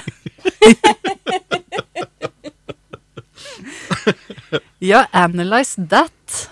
Ja. Ja, for nå har du ombestemt deg. Jeg tror du sa forrige gang at du ikke skulle analysere drømmer. men- Jeg sa det gangen før der igjen, Oh, ja, og så nå har du begynt i forrige episode så trakk jeg alt tilbake. Ja, ok, for Så du har trukket det offentlig. Det er ikke bare jeg som tror inni hodet mitt eller drømmer om at jeg har hatt eksklusiv informasjon. Det er offentlig informasjon. ja, vi gikk til og med ut på Instagram live, og Oh. Og tok en drøm på nytt igjen, fordi vi fant ut at det ble så kjett når vi ikke analyserte. For det er jo liksom litt av grunnen til at man forteller drømmer ofte. I hvert fall syns jeg gjør jeg det. For jeg vil at andre skal eh, si noe om eh, hva det minner dem om og sånn.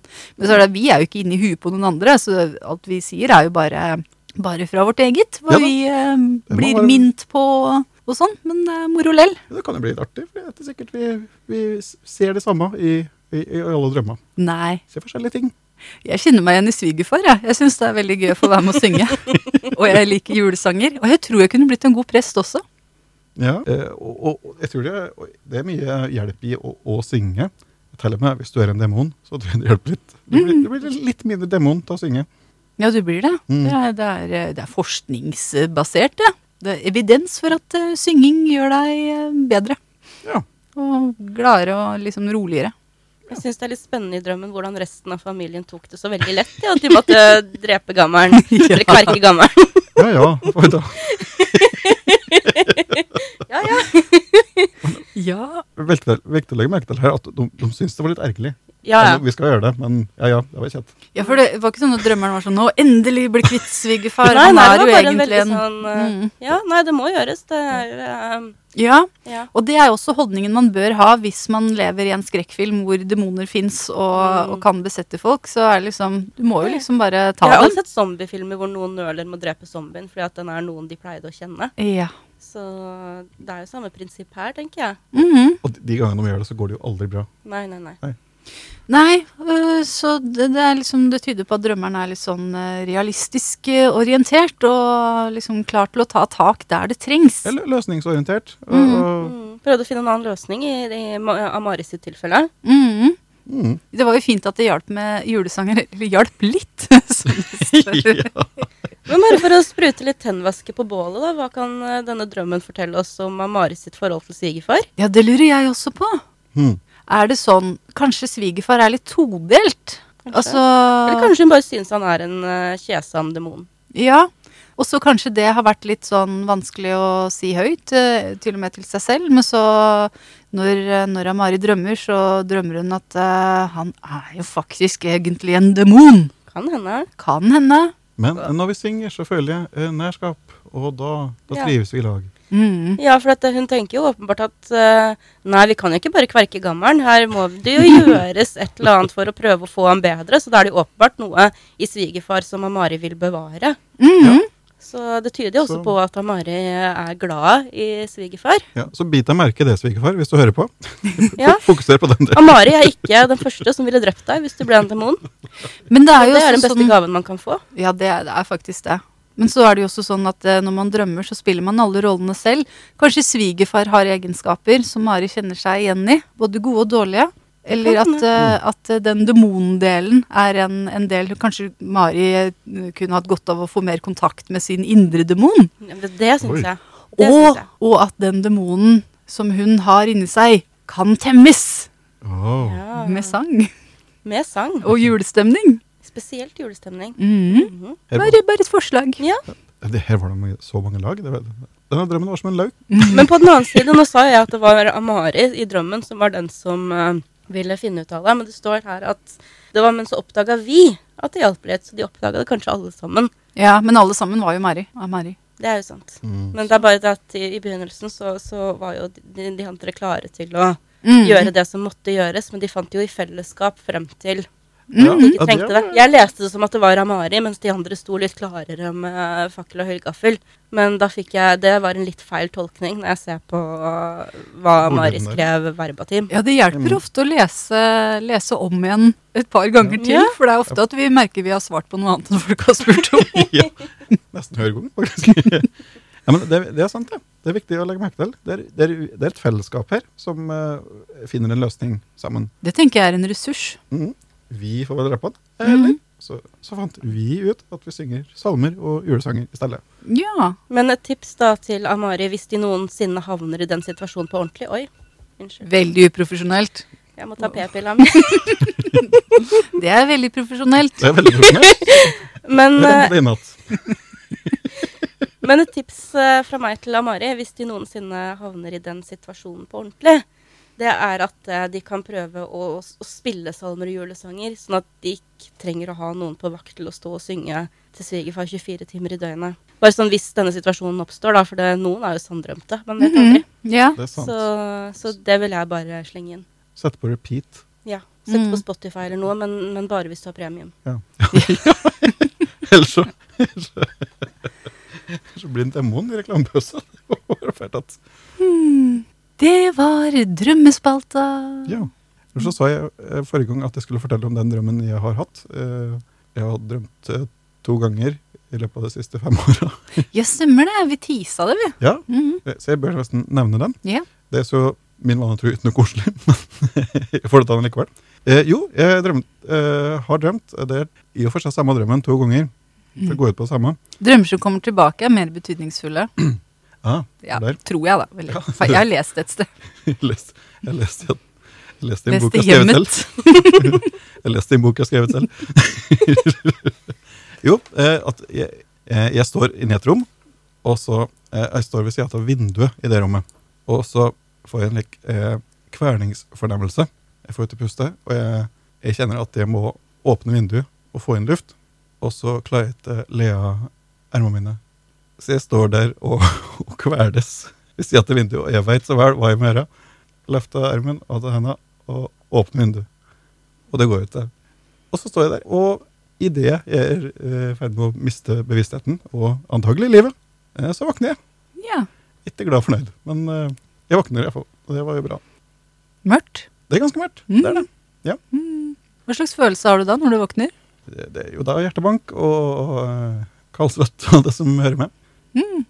Jeg, tror jeg tror jeg kan eh, diagnostisere deg på bakgrunn av denne drømmen. Du Ja. har uh, sosial angst, depresjon og unnvikende personlighetsforstyrrelse. Ja, altså Hvis den drømmen ikke er en metafor for livet med depresjon og angst, så vet ikke jeg. Nei, den var, den var litt grei å tolke Mm. for meg òg. Mm. Så det, det er jo slik det oppleves. At det, er- oppleves eh, det meste som for mye, og det kveler meg. Mm. Og du ser at vinduet er der, du vet at det Mm. er et vindu. Men så lenge du ikke klarer å bevege armene dine, så hjelper ikke det så mye. Nei, du vet godt hva du skal gjøre, men du, du får, jeg får det til. Eller jeg får det til i drømmen. Mm. Ser du hva som er utenfor vinduet? Husker du noe om det? Nei. Mm. Og iblant så er det liksom den der kvelningsfornemmelsen. Det var I en av drømmene så manifesterte det seg liksom som en røyk i rommet. Mm. Men det, var- det, det ga det samme uttrykket, da. At jeg, jeg kveles. Mm. Og jeg skjønner at jeg må gjøre noe, men jeg får ikke til å gjøre det. Så veldig lettvint å tolke. Ja, den Mm. røyken også tenker jeg er et godt bilde på depresjonen. da. Sånn siver inn overalt og Mm, Inn i sprekker og er veldig sånn uh... mm. Grønn røyk, husker jeg. Grønn røyk, ja. Mm. Giftig. Og giftig, ja. Mm. ja. Så det var min uh, lettlivede drøm. Ja, det var uh... Nå håper jeg du får sove godt. alle som hører på. Da jeg var tre, drømte jeg at foreldrene mine skjøt meg. Nei! Jeg ville bare få det inn siden du først var i den der lune. Da du var tre! Ja, Går det an å drømme sånn når man er tre? tydeligvis, da. Oi, oi, oi, oi, oi, oi, oi. Så eh, det er derfor jeg har gått i terapi i 20 år. Ja, Ja. Ja. Mm. det var, det var Men jeg trenger ingen tolkning av det. Jeg bare lar det skure. Tenker at ja ja, de andre treåringene drømte sikkert også det. Det er så vanlig. Så det, Ja, ja det, er, det, er, det er et utviklingsstadie. Det er veldig kjent. Det er. Vekstspurt, og så drømme at foreldrene skulle dra. Det, var. Det var en fin måte å runde av denne bolken på. Ja. Da tar jeg utroen, jeg. I natt jeg drømte noe godt.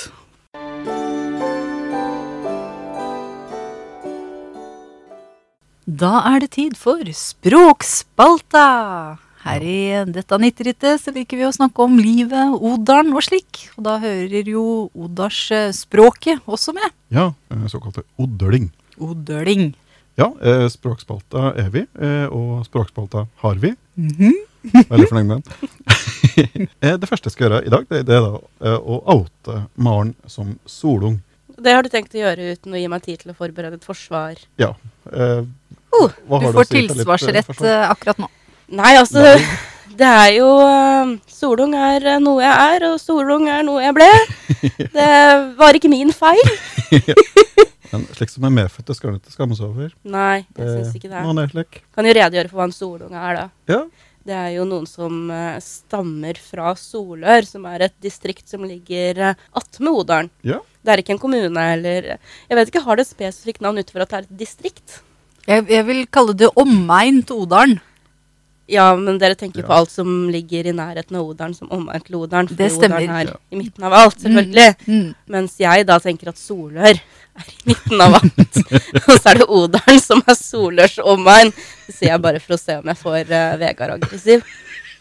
Så, Jeg, jeg lover ikke å bli aggressiv. Eh, men men eh, det, det er jo et, et tett slektskap mellom uh, Solør og Odalen. det er jo det, både sånn kulturelt og språklig. Og Ja. Jeg har jo vokst opp med dialekter som er veldig like din, men ikke helt like. Mm. Og du, du, du kjenner at mange til orda. De aller fleste. at du- At du nesten forstår hva jeg sier. Ja, ja, nesten. Noen ganger så må jeg ta en liten pause og sjekke noe på Google. Ringe en slektning. Hva er det han mener? hva betyr stigmie? Nei da, jeg vet hva stigmie betyr. Um, jeg tror hovedforskjellen da på solung og odøling dialektmessig, det er jo at dere bruker ø der solunger bruker æ. Ja. Så et veldig sånn åpenbart eksempel er jo at dere fisker øbber, og en solung fisker ebbær. ja. Og en solung syns at den ebberen er uh, stiggo. Nei, stiggo, sier jeg. Det, Åssen blir det her? Den er- Gær. Nei, nei, en Det smaker stiggatt. Stiggat, ikke sant? Det er ikke Ja. stygg, styggøtt. Det er Mm. Uh, Eh, eventuelt gærgatt. Ja.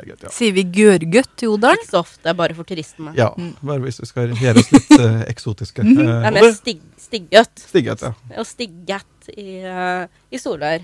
Og så sier man det mest sånn typiske soløruttrykket. Hvis noen sier ja, si noe på den dialekta, da, da, da vil de jo si 'teppa til dæra', Ja. som betyr 'lukk igjen døra'. Så det er jo nært beslekta med odøling. ja. For akkurat det sier vi òg.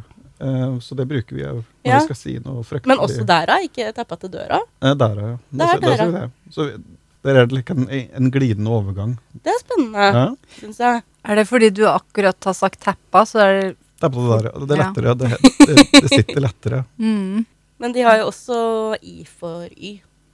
Akkurat, så, så, så det vil jo være Det, det er mer som forenres enn som uh, Ja, ja, langt mer. Alle eter vi ebber eller Ja. ebber, og Mm. syns det er stig. Gatt. Gatt. jeg vet ikke hvor ofte de sier møkkfølge i Solør, men det vil jo da være Mac-følge. Ja. Ja, og hvis noe er veldig kjedelig, så er det kjett som møkk. ja. Og det er så fint. Jeg blir så varm i hjertet når jeg hører det. så det er jo ja, Jeg har aldri egentlig snakka den dialekta selv, men det er jo hele familien min, iallfall på farssiden, har Ja. jo den dialekta. Så det er jo det jeg har Så jeg koser meg jo litt ekstra med språkspalta, i og med at jeg, jeg kjenner koselig. igjen at uh, det her er, dette, dette er mitt folk. Ja. Eller folk, som det heter i, i Odalen. Men uh, for meg så er det mitt folk. Ja. Å, det var veldig koselig. Litt rørt akkurat nå. Jeg skal prate det bort med en mørk stemme, så det, det går fint. Jo, men altså, blir du både litt varm og litt kald og sint over at eh, jeg som solung sitter her og sier at vi har dette nære båndet, dette slektskapet, vi er nesten det samme, vi er eh, Nei, det, det, det gjør meg bare varm eh, ja. i, i hjerterota. Det, ja, varm også. Det Ja. vil man også si. Verm, ja. Ikke vørm. Nei, det er ikke varm. Kommer jeg litt sånn utenfra? Altså, nå er det så gærhett at det er sterkt. Eller sterter. Jeg tror de pleier å bruke R på slutten. De har sånn Sterter, ja. Ja. ja. Gærhett at jeg sterter, for eksempel. Det er så, det er, det er, det er så artig. For det, det er så likt, men så er det så forskjellig. Ja. det er en helt annen vokal. Nå at det er jeg som er tredje. For jeg, jeg kommer litt eh, utenfra sånn språkmessig sett. Jeg merker at dere har en veldig god greie på gang med det der. Men jeg ville bare si at for, for meg som ikke er opprinnelig fra Odalen eller Solør, så høres det veldig, veldig likt ut. Og det tok meg lang tid med å bo i distriktet her før jeg skjønte at det var eh, store forskjeller. Når man kommer, kommer veldig nærme, da, så er forskjellene store, da. Det kan, det kan være dramatiske forskjeller. Jeg, jeg ble beskyldt for å være eh, fra Toten eh, for noen måneder siden. Og ja, det går kalde ilinger gjennom enda. Det var nok noen som ikke har særlig dialektøre. Eh, ja, men, men lell. Eller ære. Men siden jeg har Men siden jeg har uh, Odal-språkeksperten, da, en annen ting jeg lurer på om odøling eh, sett opp mot solung, det er at uh, N-lyden i solung. Det er ofte en litt sånn jeg, jeg prøver å beskrive det som den spanske enden, Mm. med en liten Ja. sånn squiggly-greie over. Det er litt sånn Men eh, Men ja, ja. ja, har dere den i Odalen også, eller er det mør? Ja, Vi har det. Ja. Eh, den blir, men den, den, var kanskje mer i bruk eh, i tidligere eh, generasjoner. Ja. Eh, Et, et tallord av n. ja. Vi har, vi har den eh, Ja, hva heter den franske n-en? Eh, Ni. Nja. Vi har den iallfall. Du vet om det heter, men har den. Vi har den. Og så tror jeg at liksom Hva heter uh, cadence på norsk? Den eh, melodien i, i dialekta. Tonefall. Tonefall. Tonefallet er liksom mer vepsete, tror jeg, i Solør. At du har en litt sånn Ja, jeg, jeg må innrømme at jeg tenker på den som litt mer klagete. Litt sutrete. Ja, ja det, men jeg skal, ikke, jeg skal ikke si noe imot på det. Det var alltid det broren min gjorde når det vi hadde alle solomslektningene våre på besøk. Ja. Og vi liksom skulle herme etter dem. Og satt vi bare så på hverandre og sa vi Eh, Jeg håper det ikke kommer folk etter meg fra Solør som hører det her, for jeg sier det med kjærlighet, og jeg er en av dere. Sånn eh, blodmessig. Så, så jeg omfavner det jo mer og mer jo eldre jeg blir. Så det er jo mye likt, lik- eh, kulturelt. Veldig, veldig likt. Ja, Altså, altså knivslagsmål og ja, sånn. og si, si, så lite, si så lite som mulig. Og Ja. lak lakonisk eh, Mm. ordforråd. Du kan si hvis du er oppgitt, så sier du høyrehendt. ja, Og bort fra det, så du, det du trekker ut fra det det du vil, egentlig. Ja. Ja, veldig åpent. Ja. Åpen for tolkning. Ja. ja, men da fikk jeg svar på det om, om enden. Det var fint. Takk for det. Takk for det. Jo, bare, bare trivelig. Så, og takk for at du spurte. Du er en pioner da, Vegard, som snakker om følelser og livet og slikt på oddøling. Ja, Det det, er det er ikke mange som har gjort det, altså. Nei. Hans Børli? Bøhler gjorde det, men han gjorde, det ikke på døling. Nei, det er også sant. Også, ja, Kanskje han skrev mer enn han prata. Ja. Om jeg ser liksom ikke for meg at Hans Børli satt og prata om følelsene sine så mye. Men det gjorde han kanskje. Hva vet jeg? Ja. Altså om livet og om de store uh, følelser generelt. Mm. Gjort, men like, like, å, å, å prate offentlig om at du er glad i noen, uh, det, det gjør vi ikke. Har vi ikke gjort uh, før nå. Jeg syns vi skal få, få med det. For det. Dialekta kommer fra hjertet, og når du skal prate om det som er hjertet, så bruk dialekta di. Det er så fint. Mm. Så skal jeg ta for meg et, et uttrykk i Språkspalta i dag. Det er uttrykket her, det, det, ble, det ble brukt når vi fikk invitasjon til Blue Sky. så det er rykende ferskt. Jeg tenkte jeg skulle forklare litt, litt mer rundt det. Jeg, jeg, jeg skrev til, til personen som ga oss invitasjonen, at eh, du skal få ros når du kommer fremmen. Og, og vedkommende var ikke kjent med det uttrykket. Så um, vet ikke om vedkommende takker, men jeg sitter helt hva det måtte å takke for. Kanskje det var en trussel? ja, kanskje. du lever ikke ut dagen. Nei, um, det er jo et uttrykk som brukes uh, når du er veldig takknemlig mot noen. Og betyr jo egentlig bare uh, 'tusen takk, nå har du vært veldig snill eller hjelpsom'. Uh, og skal det tolkes eh, bokstavelig, så betyr det at neste gang jeg har besøk, og da er det besøk som ikke er deg, skal jeg hente deg fram og rose deg eh, foran besøket, slik at de hører på mens du får ros. Og det er den beste rosen. Det er det. Det er altså en, en lovnad om å rose deg offentlig innenfor hørevidde til en nøytral tredjepart, og slik forsterke, ja, tinglise rosen. Gi, i rosen bedre reach, som ungdommen sier. Så uttrykket er fint for den. Den sparer den takknemlige for å måtte gi ros og bruke store ord. Og det setter vi veldig pris på i Udalen. og sterke følelser. Eh, og det sparer jo den som takkes fra å måtte stå der rett opp og ned med veldig store hender og ta imot ros. Ja, sånn å, uten å brydde Og begge der, både å gi mye ros og ta imot det, det, det er jo haram i Jodalen. Så det, dette er til glede og nytte for begge parter. Så det, det er et bra uttrykk. Det jeg skal begynne å bruke da. Jeg Ja. tolka det først som altså, Når man sier du skal få ros når du kommer fra Amund, så tenker jeg sånn Å ja, jeg skal få ros når jeg får besøk. Og så skjønte jeg det ikke. Men nå skjønner jeg det jo. Ja. Det, det, det er bra at vi tar opp slike ting Ja, det er akkurat det. det er neste gang jeg hører det, så kan jeg si mm, det vet jeg hva det betyr. For jeg pleier å høre det titt ofte nå fra min egen munn. Så, så tusen takk igjen. Jo, bare trivelig, det. For å runde av Språkspalta denne gangen, så har jeg funnet en liste over uttrykk for å og deg på døling. Og som vi husker fra forrige Språkspalte, deg, det og det og, dø. Mm. Det er synonym og, og eufemismer i skjønn forening her. Jeg kan, jeg kan lese opp denne lista som, som et slags uh, snodig dikt, tenkte jeg. Nå venter vi spent. Ja, det vil jeg tro. Da begynner jeg å lese. Størt. ta kveld. Det ble stilt. Og da må jeg bare skyte inn. Det, det ble stilt. Det er litt beslektet med facts on teig. Men facts on take det, in, det indikeres det liksom at en, en tredjepart har vært tatt aktivt del i å komme fram til stillheten til personen. Eh, og så har det eh, vedkommende. Eh, ja, så det er beslektet, men litt det samme. Så har vi setta til. Kuketur. Mm, Det er min favoritt. Veldig koselig. Bredde over seg med ei pottit. Og veldig viktig her, det må ikke forveksles med ta og bre over deg ei kald pottit. Det betyr ro deg ned. Så har vi dras til helse på puken. Og min favoritt helt til slutt er slutte å reike. Eh, Det er et vakkert, det er et poetisk språk. Kan jeg stille deg et spørsmål om å kuketur? Ja. Uh, betyr kuke noe annet på odøling, eller er det bare å Du kukertur? Det er bare kuketur. kuketur. ja. Ja. Ja, Og så har det noe med kuk å gjøre.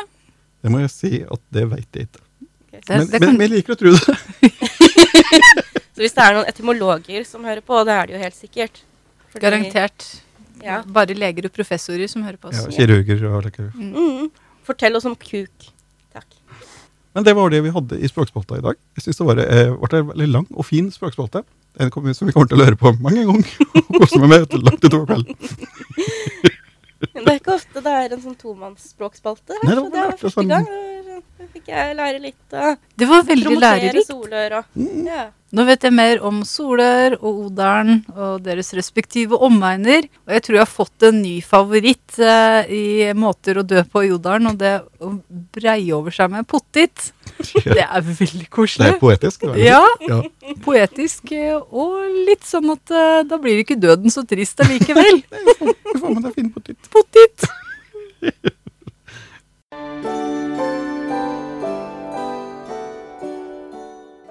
Og nå er det endelig tid for å prate om duck. Og det er jo den beste delen av programmet. Jeg tror både for programledere og lyttere. Jeg kan, jeg kan ikke snakke på vegne av alle lyttere, bare meg selv. Men uh, jeg syns alt er hyggelig. Men duck er jo hovedtema for dette nitterittet. Ja, for det er døkk det handler om. Det er det. Det handler om duck. Så er det jo slik. Eh, De som har lyst til at vi skal ta for oss deres problemstillinger i, i Duck, de sender inn en e-post til nitterittet.gmail.com. Nitterittet.gmail.com. at gmail.com. Nitterittet at gmail.com. Og da er det jo sånn at vi eh, svarer gjerne på alle mulige slags problemstillinger, dilemmaer og situasjoner du har eh, i livet ditt, så ingenting, eh, ingen sak er for liten og ingen sak er for stor, bare med forbehold at vi tror ikke nødvendigvis at vi veit best hva som er riktig for deg, men det hjelper ofte å prate litt om det og greie ut om greiene sammen. Det hender det hjelper bare å, å, få satt ord på hva som er problemet. Ja, ofte er jo det der magien skjer, idet du setter deg ned og skriver en e-post til oss.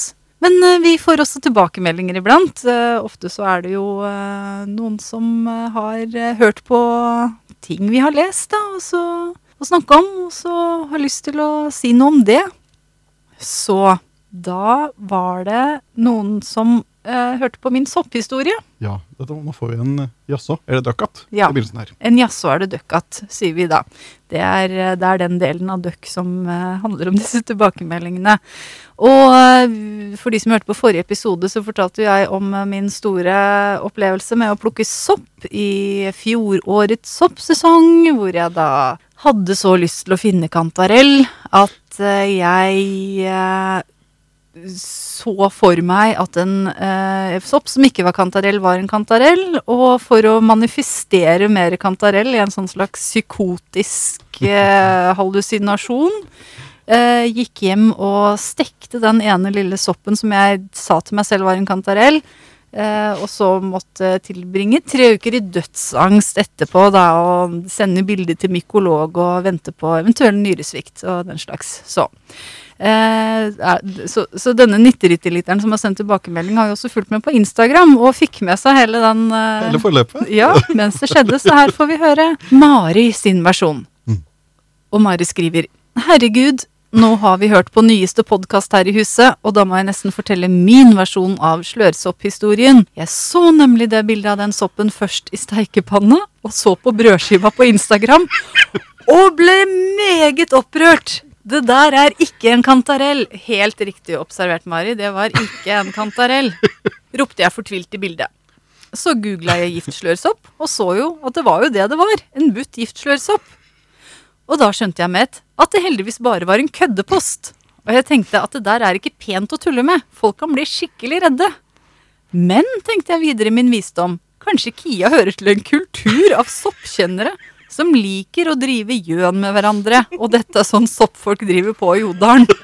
Det, det kan jeg fortelle deg, Mari, at det, det er det ikke. Og det gjør folk ikke. Og det, hvis det hadde vært uh, på tull av meg, så hadde det vært skikkelig dårlig humor. Men jeg sov skikkelig dårlig, skriver Mari. Og jeg våkner midt på natta og tenkte tenk om det ikke var kødd likevel. Jeg må ringe og si fra. Men det kan jeg ikke, for jeg kan ikke være en så tantete og latterlig person at jeg ringer folk jeg ikke kjenner midt på natta for å si at jeg tror de har spist en giftig sopp, når det sikkert bare er tull. Jeg er ikke engang soppkyndig, bare en person med ganske mye angst. Kanskje kan jeg være en sånn per Samtidig kan jeg være en sånn person som lar noen dø fordi jeg er redd for å ha misforstått en spøk. Men siden jeg ikke aner noe om hvor lang tid det tar å dø av soppforgiftning, bare hvor lang tid det tar før den fingersoppen som også kalles diarésopp får virkning, og det er bare noen få timer, så tenkte jeg at det uansett var for seint. Så avlyste jeg krisa da jeg så på nett en dag eller to etterpå at Kia gudskjelov fortsatt var levende. Da var det heldigvis bare jeg som ikke skjønte spøk. Puh! ja, så det, det, er liksom Jeg blir både stolt og flau, ja, av hva jeg har satt i gang, og hva folk som så den Instagram-posten min med den soppen i fjor, tenkte. Liker at det er minst to forskjellige mennesker som så at det der, altså Vegard og Mari, som så at dette er ikke en kantarell, og bare valgte å ikke si fra til deg, for de bare regner med at uh, Kia vet hva hun driver med. ja.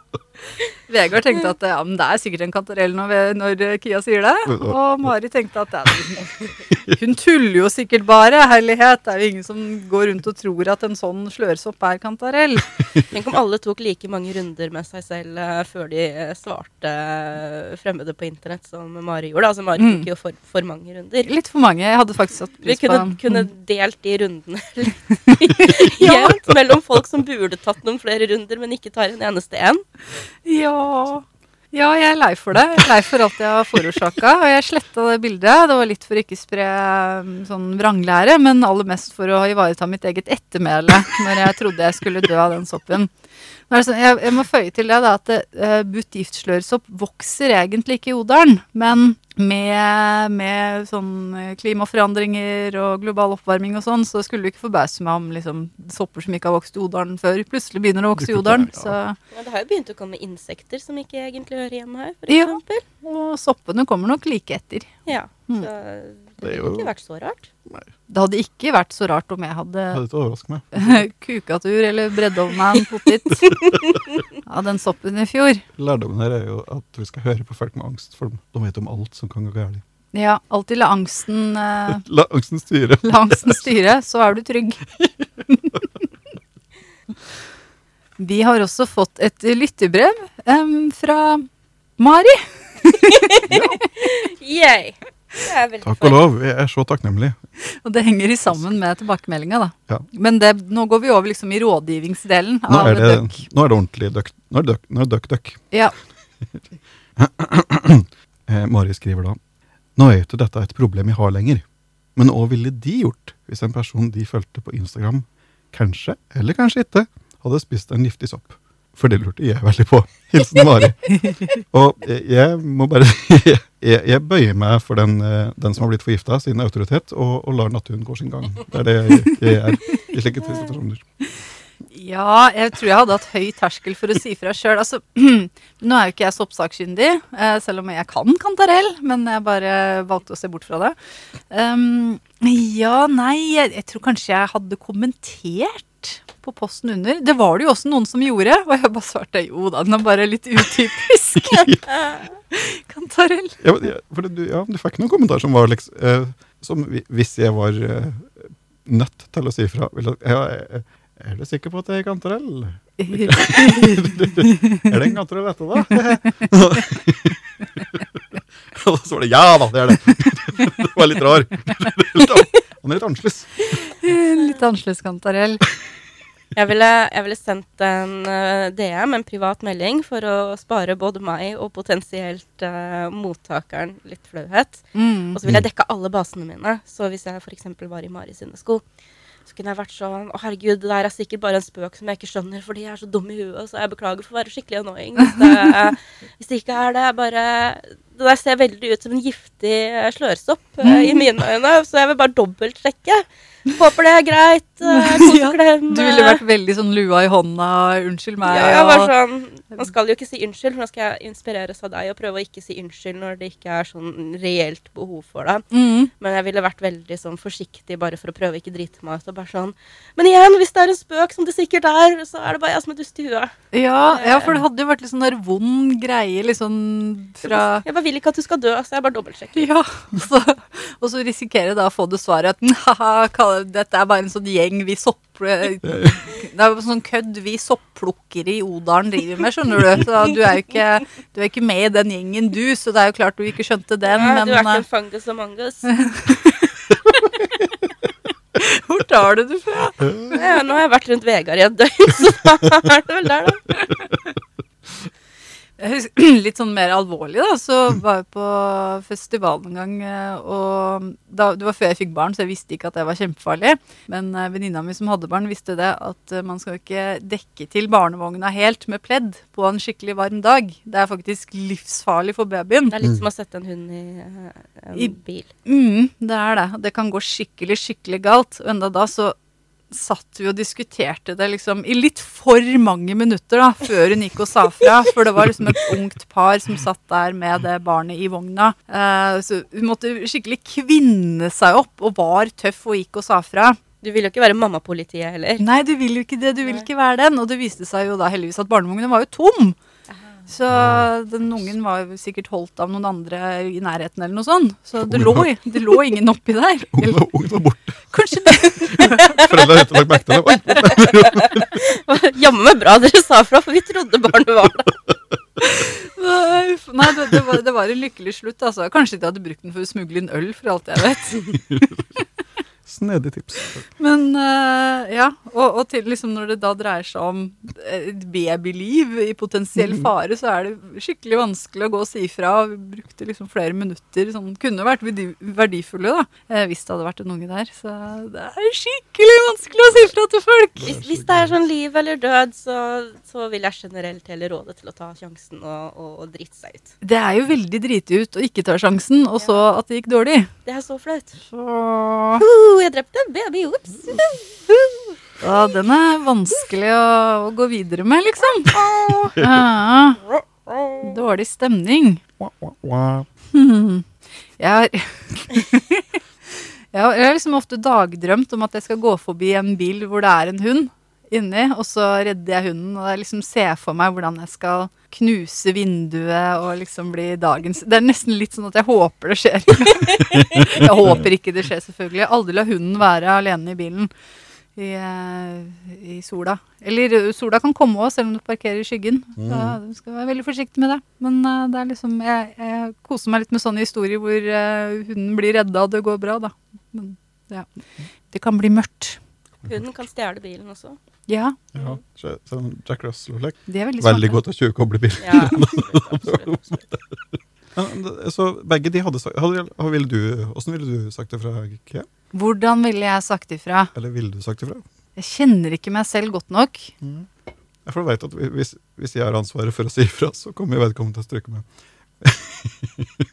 og Maren sier fra, og eh, personen overlever. Mm. Så nå er det, er det, øh, nå er det det, da. Nei, altså, jo, jo, jeg kjenner meg selv godt nok til å vite at jeg ville nok sagt ifra, ja. Jeg er litt sånn der, jeg, lar liksom ikke meg selv få fred før eh, jeg blir litt sånn der, ja, men noen må jo si ifra, hvis ikke meg, så hvem? du ville diskutert det litt for lenge, men du ville sagt ifra. Ja. Ja. Det lønner seg da. Det lønner seg å få råd fra Maren og Kia. ja. Ikke hør på Vegard. Ikke vent, ikke vent på at jeg skal gripe inn. Men, eh, nei, men det aller viktigste er jo at eh, hvis du i utgangspunktet plukker sopp, så skal du vite hva du plukker. Og da er jo problemet løst allerede. Så slipper folk å lide og kvales eh, rundt omkring av dine dumme valg. Bra. Si fra om soppen. Si fra om soppen. Gjør det. Så har vi fått eh, et eh, ekte ilandsproblem, som også handler om et av Maren sine ekspertområder. Så kan ikke du lese den da, Maren? Jeg skal lese den. Der står det Hei, kjære podkastere. Jeg er en ung og middels erfaren Twitter-bruker som vanligvis er lykkelig i mitt lille ekkokammer. Her om dagen la jeg ut et bilde av et klesplagg jeg hadde laga, og plutselig rant det inn med likes og kommentarer fra det min mor pleier å kalle voksen-Twitter. 200 likes er kanskje ikke mye for dere Twitter-kjendiser, men for en stakkar med så vidt over 100 følgere oppleves det ganske dramatisk. Det fikk meg til å innse at jeg ikke kjenner til de sosiale normene på Twitter. Må man svare på kommentarer fra folk man ikke kjenner? Hva om man ikke har peiling på hva de snakker om? Hva skal man gjøre når godt voksne trøndermenn kommenterer 'digg' på et bilde hvor man har magen ute? Håper på gode tips fra dere som er mer vant til Twitter enn jeg er. Med vennlig hilsen ilandsproblem. Sånn flaks at vi fikk den akkurat når du er her, Maren. Tenk på det. Gud, kismet. Og så kan vi jo si at eh, det, dette kan jo gjelde for alle sosiale medier også, selv om Ja. dette spesifikt var Twitter, som har jo sine Twitter-koder da sikkert, og hva vet jeg. Eh, jeg kjenner meg ikke igjen i dette med å være Twitter-kjendis, men uh, er her Ja, jo, jeg, jeg er i hvert fall gift med en, da. Så jeg er liksom sånn inngift. Sånn som uh, han uh, mannen til dronning Elisabeth. Eller han der eh, Han der sure gamle i Danmark. Som, jeg ikke husker hva heter engang. Syns du er litt mer sjarmerende enn begge de var. Jo, ja, men det blir litt samme greia. Litt sånn inngift. Uh. Si mer sånn, sånn en slags sånn Andrew Ridgely til, eh, til eh, Vegards George Michael. For Andrew Ridgely hadde jo masse innflytelse over George Michael og var et positivt bidrag, men litt mer i bakgrunnen. Ja, Ja. det, det er jo en god sammenligning, faktisk. Det var jeg som foreslo at du skulle bruke Sjabernissen som navn. Ja, det var du som fikk meg på, på Twitter i hele tatt. Det var det faktisk. Ja. Det er liksom kvinnen bak uh, sjampernissen. ja. Bak en vellykket mann står en forundret kvinne. Er det det? Eh, jo, eh, så det er litt artig dette her, for det, her har vi jo ulike, kanskje litt ulike normer og, og eh, toleransenivå her i studio òg. Ja. Og, og jeg må si, eh, 200 likes på en post, det er veldig bra eh, uansett. ja, for det syns jeg er helt eh, astronomisk mye. Ja, Det er mye. Mm. Mhm. Det er solid. Så da har du virkelig gjort noe som engasjerer, og som er bra. Så Mm. det er veldig kult, da. Eh, og det, ja, for å ta det med å svare på kommentarer fra folk de ikke kjenner, nei, det trenger du ikke, eh, mener jeg. Og hvis det er en veldig rar kommentar, så trenger du iallfall ikke svare på den. Nei. Nei. Men, men eh, kan vi få litt sånn begrepsforklaring? Eh, hva er voksen-Twitter? Det kommer igjen an på øyet som ser. Jeg tenker at den innsenderen her er så ung at han har en mor som har et begrep om voksen-Twitter som skremmer meg litt. Uh, gjør meg litt full av ærefrykt eh, for den unge generasjonen. Men voksen-Twitter blir jo eh, som regel brukt som et begrep om en eh, ikke ondskapsfull sirkel på Twitter, men folk som kanskje er mest opptatt av å snakke litt om fuglene utafor vinduet og skåle og ikke være eh, så veldig påkobla. De har bare liksom sin egen skravlete sfære. Ofte er det folk kanskje sånn i slutten av 40-åra, 50-åra, 60-åra. Eh, litt sånn eldre segment enn de yngre som holder på. Og det, er- det, er, mye, det er mye skravling, rett og slett. Og det er det ikke alltid. Det man kaller fatisk kommunikasjon. Oi, Uh. det blir brukt eh, faguttrykk i studio. Hva, hva, hva, hva betyr fatisk? fatisk kommunikasjon det er, liksom, det er kommunikasjon som ikke handler om innholdet i seg selv, men bare prate for pratens skyld. Det er også en veldig verdifull ting. Det betyr ikke at det er liksom verdiløst og meningsløst, men det er liksom selve ordene Det tilfører heller ikke noe. Det er mer den Mm, sosiale fellesskapsfølelsen av en prat, mer enn innholdet i praten. Ja, Mm. det tilfører sosial verdi, da. Ja, Så ja men det stemmer jo. Mm. Ja, voksen-Twitter eh, Ja, kaffeskål-Twitter er jo mye det samme. For Kaffeskål-Twitter er, det er litt mer sånn, en litt mer ondarta del av eh, voksen-Twitter. Selv om de, Mm. de oppfører, oppfatter seg ikke som det sjøl. Nei, for de bruker høflig språk Mm. som regel, eller iallfall det de opplever som høflig språk selv. Ja. Okay. Uh, Da må men dere forklare kaffeskål-Twitter også. ja, altså kaffeskål-Twitter Jeg vet ikke om Vegard har lyst til å uh, ja, det, det går jo mye på mye det samme. da. Det er liksom, eh, det er samtaler for, for, for å konversere. Altså, ja, det blir mye prat om, om hva som foregår i livet, dom, eh, livet dommes, eh, uten å være så interessert i å ta til seg nye inntrykk og lære noe. Mm. Og i hvert fall ikke tilpasse seg eh, nye tider i samfunnet. Litt sånn derre er boomer-aktig holdning. ja, litt sånn holdning. eh, ja. Yeah. At eh, det som, det som jeg vokste opp med, er det eneste som skal gjelde så lenge jeg lever. Og så er det jo gjerne litt sånn at de tenker selv at de er åpensinna fordi at Mm. de er høflige. Eh, altså i sine egne øyne. Ja. Eh, og så lenge noe er velment, så må det nødvendigvis være av det gode. Mm. Hvis du sier en ting som noen oppfatter som støtende, sier fra til deg Nei, dette ble jeg såra av, dette ble jeg lei meg av, dette er ikke greit å si, det her ordet la vi igjen på 80-tallet. Så, så vil de reagere med en Ja, men dette mente jeg jo bare som Og det ordet brukte vi da jeg vokste opp, og det er ikke negativt ladd i det hele tatt. Nei. Så de er ikke sånn regelrett De, de oppsøker ikke folk for å være ekle, Mm. men de er, de er en vegg.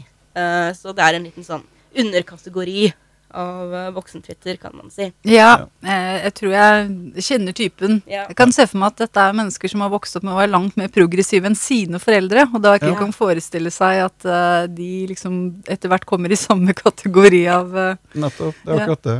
Og så er det det at eh, voksentwitter, skråstrek uh, eh, kaffeskål-twitter, er jo eh, ofte liksom, det, det er jo det er den døra som står på gløtt og slipper inn de virkelige eh, giftige eh, twittere. Okay. For der alle skal være venner i voksen-Twitter, kaffeskål-twitter. Så da slipper du inn alt det som er ordentlig negativt.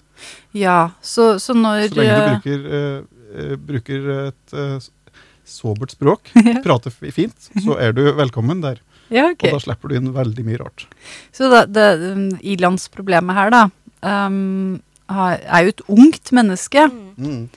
Eh, og de sosiale normene som hen eh, etterlyser, de er jo kanskje noe som varierer veldig, da. Så det er, man kan jo ikke si at det er ett sett med sosiale normer. Nei. Men at uh, hvis jeg, jeg kjenner litt på det som uh, godt voksen over 40-åring sjøl, selv, selv om det ikke kommer fra noe creepy sted, så føles det liksom litt creepy å omgås for mye, for personlig, også på sosiale medier med veldig unge Veldig unge folk, mennesker. ja. Ja, det blir det er det. liksom å komme ned i kjellerstua og si sånn Hei, hva driver dere med? Og uh, slenge meg ned og liksom tro at jeg skal være en i gjengen. Ja. Når vi liksom tilhører vi Skal det er være liksom, noe peanøtter i colaen?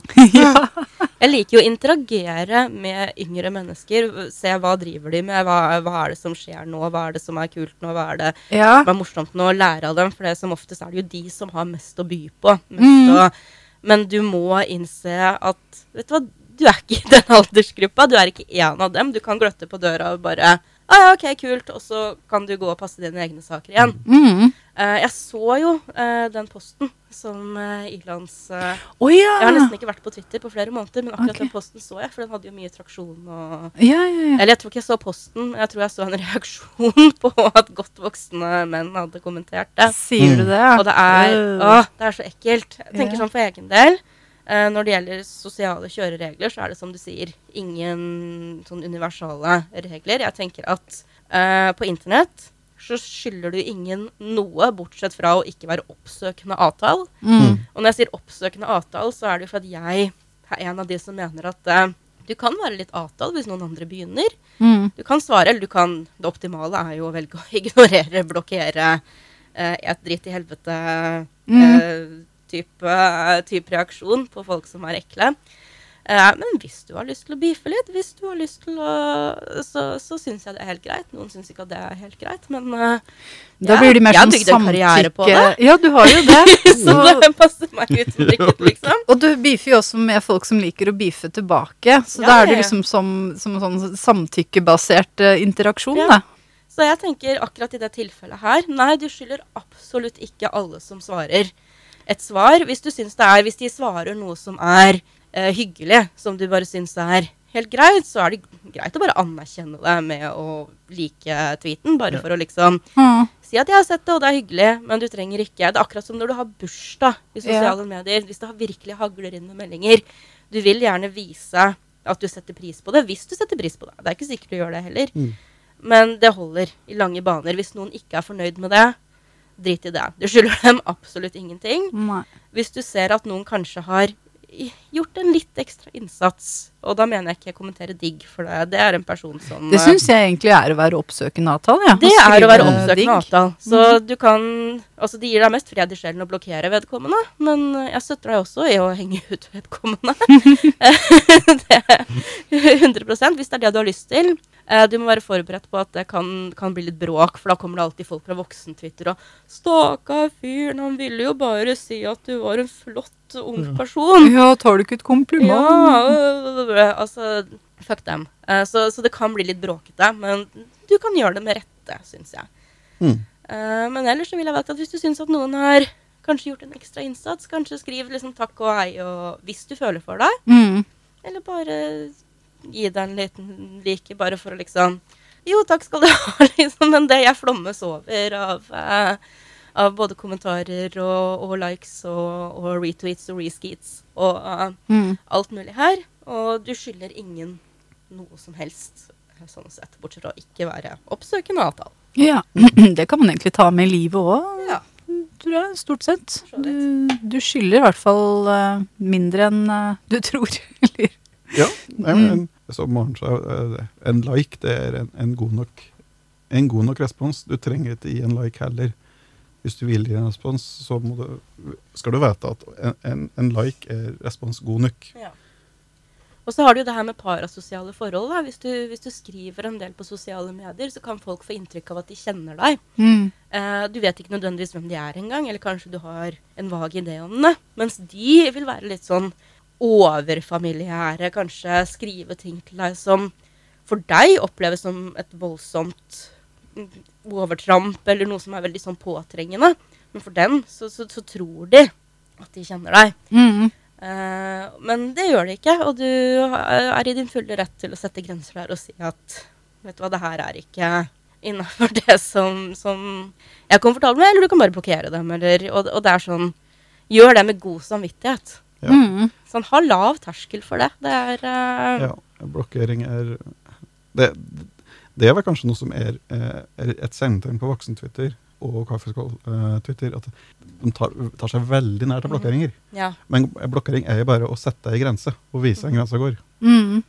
Og dere trenger jo ikke snakke noe om det her. Bare sånn en av de sånn helt sykeste, sånn åpenbare eksemplene jeg vet om eh, på folk som tar seg til rette og, og forlanger ting av fremmede på nettet, det, det kom jo eh, da dere fikk deres mektige datter. Mm. Og Vegard annonserte det eh, i kjent stil, for Vegard har jo alltid pleid å poste tweeter som ingen andre kan svare på, fordi det er ikke noe Vegard vil. Eh, og så er det folk som ble skikkelig fornærma for at de ikke kunne skrive 'gratulerer' på den posten. Var det det? Det, Ja. det hadde ikke jeg fått med meg. Ja. Ellers har jeg glemt det. Eh, Jeg vet ikke om det var mange, Det var men det skjedde. Og det, det er noe som får hjernen min til å eksplodere litt. For det, dette er et, et sånn sårbart, eh, viktig øyeblikk i noens liv. Og de har lyst til å dele at dette er en stor ting som har skjedd. Men det betyr ikke at du som en vill fremmed har noen claim til, eller noen rett til å invadere den sfæren. Og så er det litt sånn at noen vil da være sånn at de sier jo, men også hvis man poster det på nettet, så vil man jo ha en, eh, en reaksjon. Og da, da tenker jeg at nei, fordi la oss si at noen gløtter litt på døra, så du får se, se inn i gangen eller stua. Mm. Eller kanskje inviterer deg en liten tur inn i stua. Det betyr ikke at du kan romstere på kjøkkenet og spise all maten, gå inn i klesskapet og begynne å prøve klærne deres, ta med deg katta under armen og gå. Det er liksom Hvis det er Pushki, så. Ja, jeg kommer til å gjøre det. eh, jeg personlig. Så det er sånn Folk tar seg veldig til rette, og de tenker at de kanskje kjenner deg på en måte de ikke gjør, selv om de ikke kjenner deg overhodet. Eh, du må kunne poste et bilde av et klesplagg du har laget, uten at fremmede trøndermenn skal skrive at du er digg. Og hvis det er snakk om tilbakemeldinger som er hyggelige, men bare overveldende, så har du all rett i verden til å enten ikke interagere med det, eller interagere med det på det laveste nivået som er komfortabelt for deg. Mm. Mm. Det, er, det, er det er du som setter grensa. Altid. Det er ingen andre. Ja, det kan jo hende du lager eh, flere klesplagg og har lyst til å dele de, og at du får mye mer oppmerksomhet rundt det. Så det kan jo hende at dette det, at det blir mer av dette. Så jeg skal det måke ned dem. Ja, gjør det. det men det, er- det er liksom fint å begynne å ja, vite at du ikke skylder noen noe mer av deg sjøl fordi om du har laga noe fint som dem liker. Ja. Men hva, jeg syns det var så artig at det var en trønder, trøndermenn som kommenterer digg. Jeg får jo bilder i hodet av det, men altså Trøndermenn kommer i alle varianter, for å si det sånn. Fra alle landsdeler. Ja, Men han er trenger er- ikke å være medlem av Nidaros sosialdemokratiske forum. Men det er jo det jeg ser for meg, da. Ja. Men altså, hva er greia med Altså, jeg vet at vi har jo ikke full innsikt i en sånn eh, vanlig mannesyke, da. Altså psyke. Men hva er greia med å si digg? Altså, å se et ungt menneske og skrive digg, hva er greia? Jeg skjønner det ikke. Hvor kommer det fra? Hva, hvor går det? Når man bare er så lite vant til å få noen form for korreks, og i kombinasjon med at man bare føler man har en gudegitt rett til å ytre og si absolutt alt som faller ned i den lille nøttehjernen din til enhver tid. Sånn at eh, Å ja, men hvis jeg sier det, så har det automatisk en verdi. Så du, du skal hele tiden uttrykke hva du synes om hvert eneste menneske, og ha rett til det, fordi at Mm. din mening er din mening. Mm. Og kan de ikke ta et kompliment, så er det deres eh, problem. Og kan de ikke ta en nedsettende kommentar, så er det også deres problem. Men, eh, men det er bare helt naturlig. Du tenker ikke noe over det. Du har ikke en prosess hvor du tenker Er det her nødvendig? Mhm. Bidrar jeg med noe? Det er bare Du er så vant til å med selvfølgelighet kunne by på din innfallsvinkel. Og Eh, hele verden venter hele tida på å Ja. høre hva du mener. ja. Verden gir meg dette for at de skal vite, for de venter i spenning på hva jeg mener om dette. Så jeg skal, Derfor skal du kommentere på alt du ser. Mm. Alt du får opp. Her er det veldig viktig at folk får vite hva jeg mener. Ja, mitt det er det vi bidrag har en verdi, for det er mitt bidrag. Så hvis noen legger ut noe, så jeg har tatt et fint bilde og sier at dette var stygt Bildet. Ja, ja, ja. Ja, men Du er litt vant til at eh, du, du har en sånn tankegang hvor om ikke alle på individnivå hele tiden gjør ting for å tilfredsstille deg, så er det en sånn viss sånn trend i verden hvor det meste eksisterer for at du skal være komfortabel. Mm. Og hvis noe bryter med den følelsen av komfort, så må du jo dæsken døtte meg få lov til å si ifra. En ung kvinne som jeg synes er lekker, men med blått hår, det liker jeg ikke. Unge kvinne, du ville vært mye flottere med blått hår. Nei, uten blått hår. Og så sender du det av gårde, for at dette er konstruktivt. Hallo! Nå lærer hun seg å være mer tilfredsstillende for ditt øye. Og det er jo det vi vil, alle sammen. Ja, det er det som er liksom Det er det som er målet. Ja, det er jo bare hjelpsom. Ja, nei, vi løser jo ikke det problemet eh, i dag. Vi løser vel kanskje egentlig ingen problemer, men jeg håper det nytter litt å prate om det, da. Ja, jeg håper at eh, folk eh, tenker litt mer sånn, vet du hva. Mine grenser kan jeg sette når som helst og hvor som helst. Jeg trenger ikke ha dårlig samvittighet for det. Nei, Ja. det er du som setter grensa. Så takk for litt forklaring rundt det med voksen-Twitter. Er liksom, jeg, jeg forstår intuitivt hva det betyr, men det er, det er litt smertefullt for meg. For jeg, er, så jeg føler meg litt sånn voksen-Twitter, for noen ganger så har jeg en kaffe og har lyst til å si skål og sånn. Men så, så, så er jeg så redd for å være døll for dere, oh, som er kule på Twitter. Ja, men akkurat nå er det ingen som er kule på Twitter. Nei, på nå er det nå er det bare automatisk. Nei, men- så, ja. Så, men det er liksom noe med, det, med de normene, da. Altså hvor er grensa for hvor fatisk kommunikasjonen kan være, og liksom Er det lov å være litt banal? Altså ikke kommentere på sånn Ikke sånn oppsøkende avtale kommentarer, selvfølgelig. Ikke oppsøkende kåte kommentarer. Nei, men Mm, En eller Er- to ender. Hmm? En eller to ender. er to. Nei, men, men det er klart, det går an å kjenne seg at i deler av voksenlytter. Jo. Og det er jo ikke liksom eh, Det er jo ikke ondskap eh, i sin pureste form, dette her. Og liksom å småpludre med venner, det gjør vi jo. Ja, Noen gjør det på i virkeligheten. Eh, enkelte av oss gjør det bare på Twitter. ja. ja. Med Noen, mange gjør det i gruppechatten. Ja, sant? Jeg Ja. elsker å bare blæste ut masse greier i gruppechatten.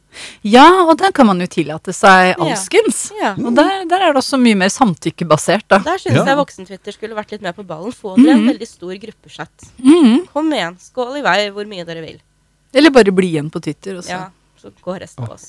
Ja. ja, jeg håper å se flere kule plagg fra Ilandsproblem, og så at du ikke blir altfor plaga. Ja. legg ut det du vil, og, og bare vet, vet at det er du som kontoen din styrer. på Twitter, så bare si ifra hvis noen trenger kjeft. Altså, jeg, Send en DM til Maren. ja, jeg er en slags leiesoldat, bare at jeg koster ingenting. Og vi skal stå eh, et stykke bak Maren, og så sier vi eh, 'fuck em up', Maren.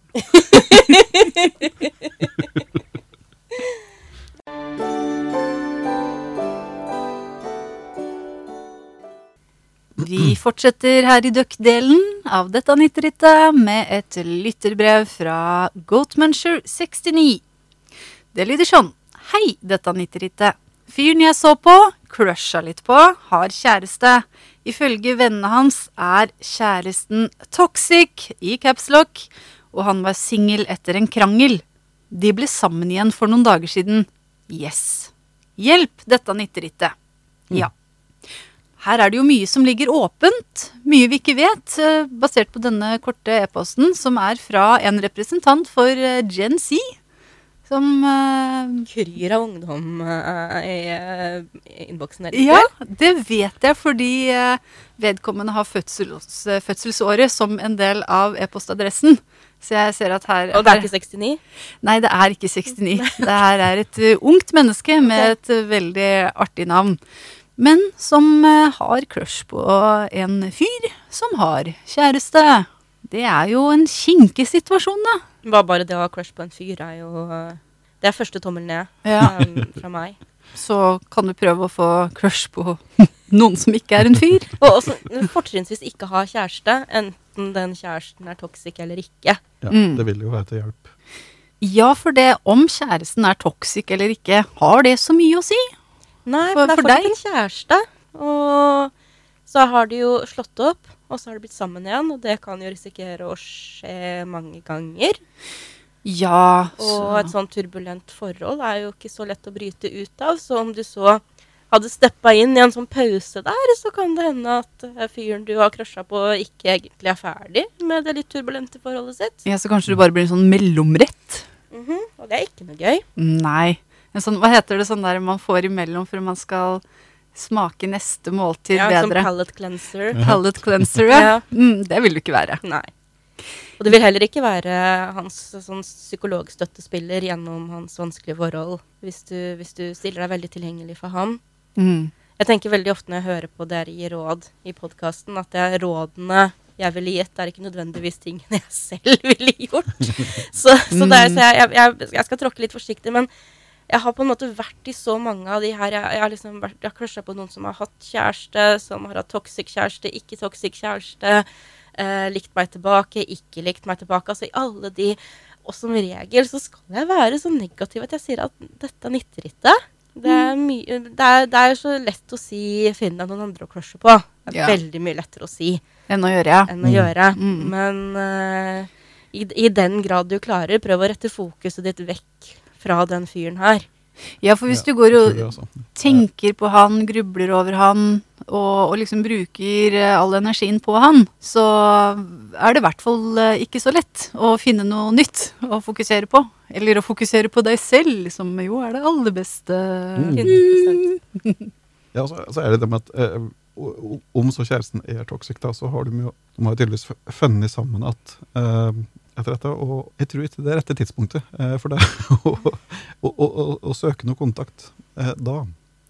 Nei, og så sånn, Jeg fikk lyst til å spørre deg, Maren, som har hatt erfaring med både toxic eh, andre kjærester og, og sånn. Gjorde det noe forskjell på deg, som var den som crusha, om kjæresten til den du crusha på, var toxic eller ikke? Ja, fordi at du får litt høyere forhåpninger. Fordi at du tenker at når du crusher på noen, så tenker du du fortjener bedre enn den kjipe kjæresten din. Du fortjener meg. Mm. Eh, og det er ikke en sunn måte å tenke på i det hele tatt. Nei. Så, så du får eh, Ja, hvis du ser noen være glad og fornøyd i et forhold, så blir du kanskje mer resignert og tenker at ja, ja, jeg vil jo det beste for vedkommende. heller nå hadde jeg vært en veldig kjip person hvis jeg hadde prøvd å eh, gnikke meg inn her. Eh, noen ganger gjør man det likevel fordi at eh, man blir ko-ko når Mm. man eh, har følelser for noen. Men eh, jeg kan skjønne at ja, den, den døra virker åpnere når eh, du har et inntrykk av at kjæresten ikke er en så god kjæreste som du ville vært. Mm. Og, og da kan man jo kanskje også tenke, hvis jeg skal være sånn der Jeg også tenker at dette er nitte ganske sikkert ikke, men hvis det skulle gjøre det, da, så er det sånn, hvis han er vant til en sånn toxic kranglekjæreste, så blir han kanskje glad og takknemlig og veldig tam hvis han blir sammen med deg etterpå, da. Men det kan også hende at uh, han er en person som oppsøker litt trøblete og kranglete forhold. Kanskje er han en litt sånn trøblete og kranglete person selv. Oddsen er jo ganske høy for det også. Det det. Man vet jo aldri. Fordi at hvem som helst kan havne i et forhold med noen som ikke er bra. Mm. Det kan skje hos alle uansett. Mm. Men eh, Nei, det er så mange variabler her, men alle peker litt for meg i negativ retning, i alle fall. Ja, Og jeg, jeg vil jo at uh, Goatmuncher 69 skal være smartere enn en jeg generelt er. Så derfor få det til å tenke Vet du hva, dette er nitterittet. Nei. Jeg er heller mot at det ikke nitter. Uh, du får jo en jobb med, med å bryte ut uh, når du har denne crushen gående. Eh, men jeg, jeg kan ikke se at det er noen At det, dette er en passende anledning til å legge inn et støt der. Altså. Kanskje du, du utvider horisontene dine og prøver å fokusere mindre på denne fyren og lever livet ditt. Og kanskje om et halvt år så har han vært ute av det forholdet og har bearbeida det og kommer tilbake og sier hei, hei. Og da kan jo du vurdere selv om du fortsatt er interessert, eller det som er mer sannsynlig, at det, å ja, det er noe kjent med deg, men eh, ja, nei. Og så Ja. ja. Få det litt på avstand. Ja, jeg tenker det uansett. Prøv, altså Det er ikke så lett det heller, da. Det er så dust å bare få det litt på avstand. Har du prøvd yoga? Men eh, Jo, men det er liksom sånn at de der tingene som er lette å si, og som blir klisjeer, det er liksom Det er jo også ting som er sanne. ja.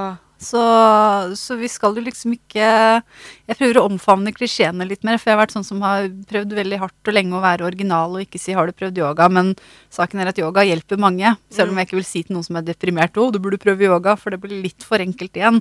Men det er jo også sant at det å fokusere på deg selv og gi det tid, det er en Ja. god ting for deg. Plei andre ting, andre relasjoner, både romantiske og ikke-romantiske. Kanskje primært ikke-romantiske relasjoner. Mm. Få fokuset i den grad du klarer over på noe annet. Ja. Og så kan du eventuelt revurdere på sikt om dette er noen som du bare syns var ganske tiltrekkende og spennende, eller noen du kanskje har litt mer dyptgående følelser for, for det har jo litt å si, det også. Eh, Ja. Du sier jo bare, eller skriver at fyren du så på og crusha litt på, så sånn sett så høres det jo ikke sånn kjempe Men det kan jo hende du har dypere følelser for ham enn jeg leser i den mailen også. Det kan hende du underdriver litt. Det vet vi jo ikke. Nei. Hvis det er en du bare ser litt på og crusher litt på, så ville jeg i hvert fall ikke lagt noen flere egg i den kurven der. Nei, Nei. absolutt ikke. Og hvis du holder litt mer sånn i en observatørrolle, da, at du har, har hvis du har den litt i, i periferien, da, så du, du følger litt med, men det er ikke sånn fra dag til dag at du sjekker at du ser den over tid. Og om det, om det forholdet mer nå, at det ikke bærer seg, da, så veit du om det. Men jeg, jeg, vil, jeg vil anbefale å ha fokuset eh, mer mot deg sjøl enn på forholdet til noen andre akkurat nå. Ja. Ja. Og så er det noe med at det, det å ha et crush, det er liksom noe fint i seg selv. det er det. Um, hvis det ikke er altfor hardt og opprivende, så kan det være liksom gøy å bare ha en litt sånn der eh, hemmelighet inni deg. Det gjør hverdagen litt mer spennende. Og sånn, hvis du ikke fokuserer alt for, hvis du ikke blir for opptatt av det, sånn at det blir en sånn der skikkelig hekt og besettelse, så, så kan det være litt artig å bare gå og ha et crush uten å gjøre noe med det. Jeg har hatt samme crush i over ti år. Mm. Som bare er en sånn helt sånn perifer greie i hjernen min som bare dukker opp fra tid til annen. Det er litt spennende og litt gøy. Ja, du kan kose deg litt med det. Kose meg med det. Ja. Uansett hvilken livssituasjon jeg selv er i. Eller være sånn, hi. Ja, ja, Og hvem vet, kanskje om ti år så putter han en ring på min finger. det vil jeg tro. Nei, han vet ikke navnet mitt nå, men Vi får se. Uh, håper vi ikke bømma deg altfor mye ut, uh, kjære Goatmuncher. Men uh, vi har trua på at du får et kult liv, så konklusjonen er don't munch that goat. Enig. Helt enig.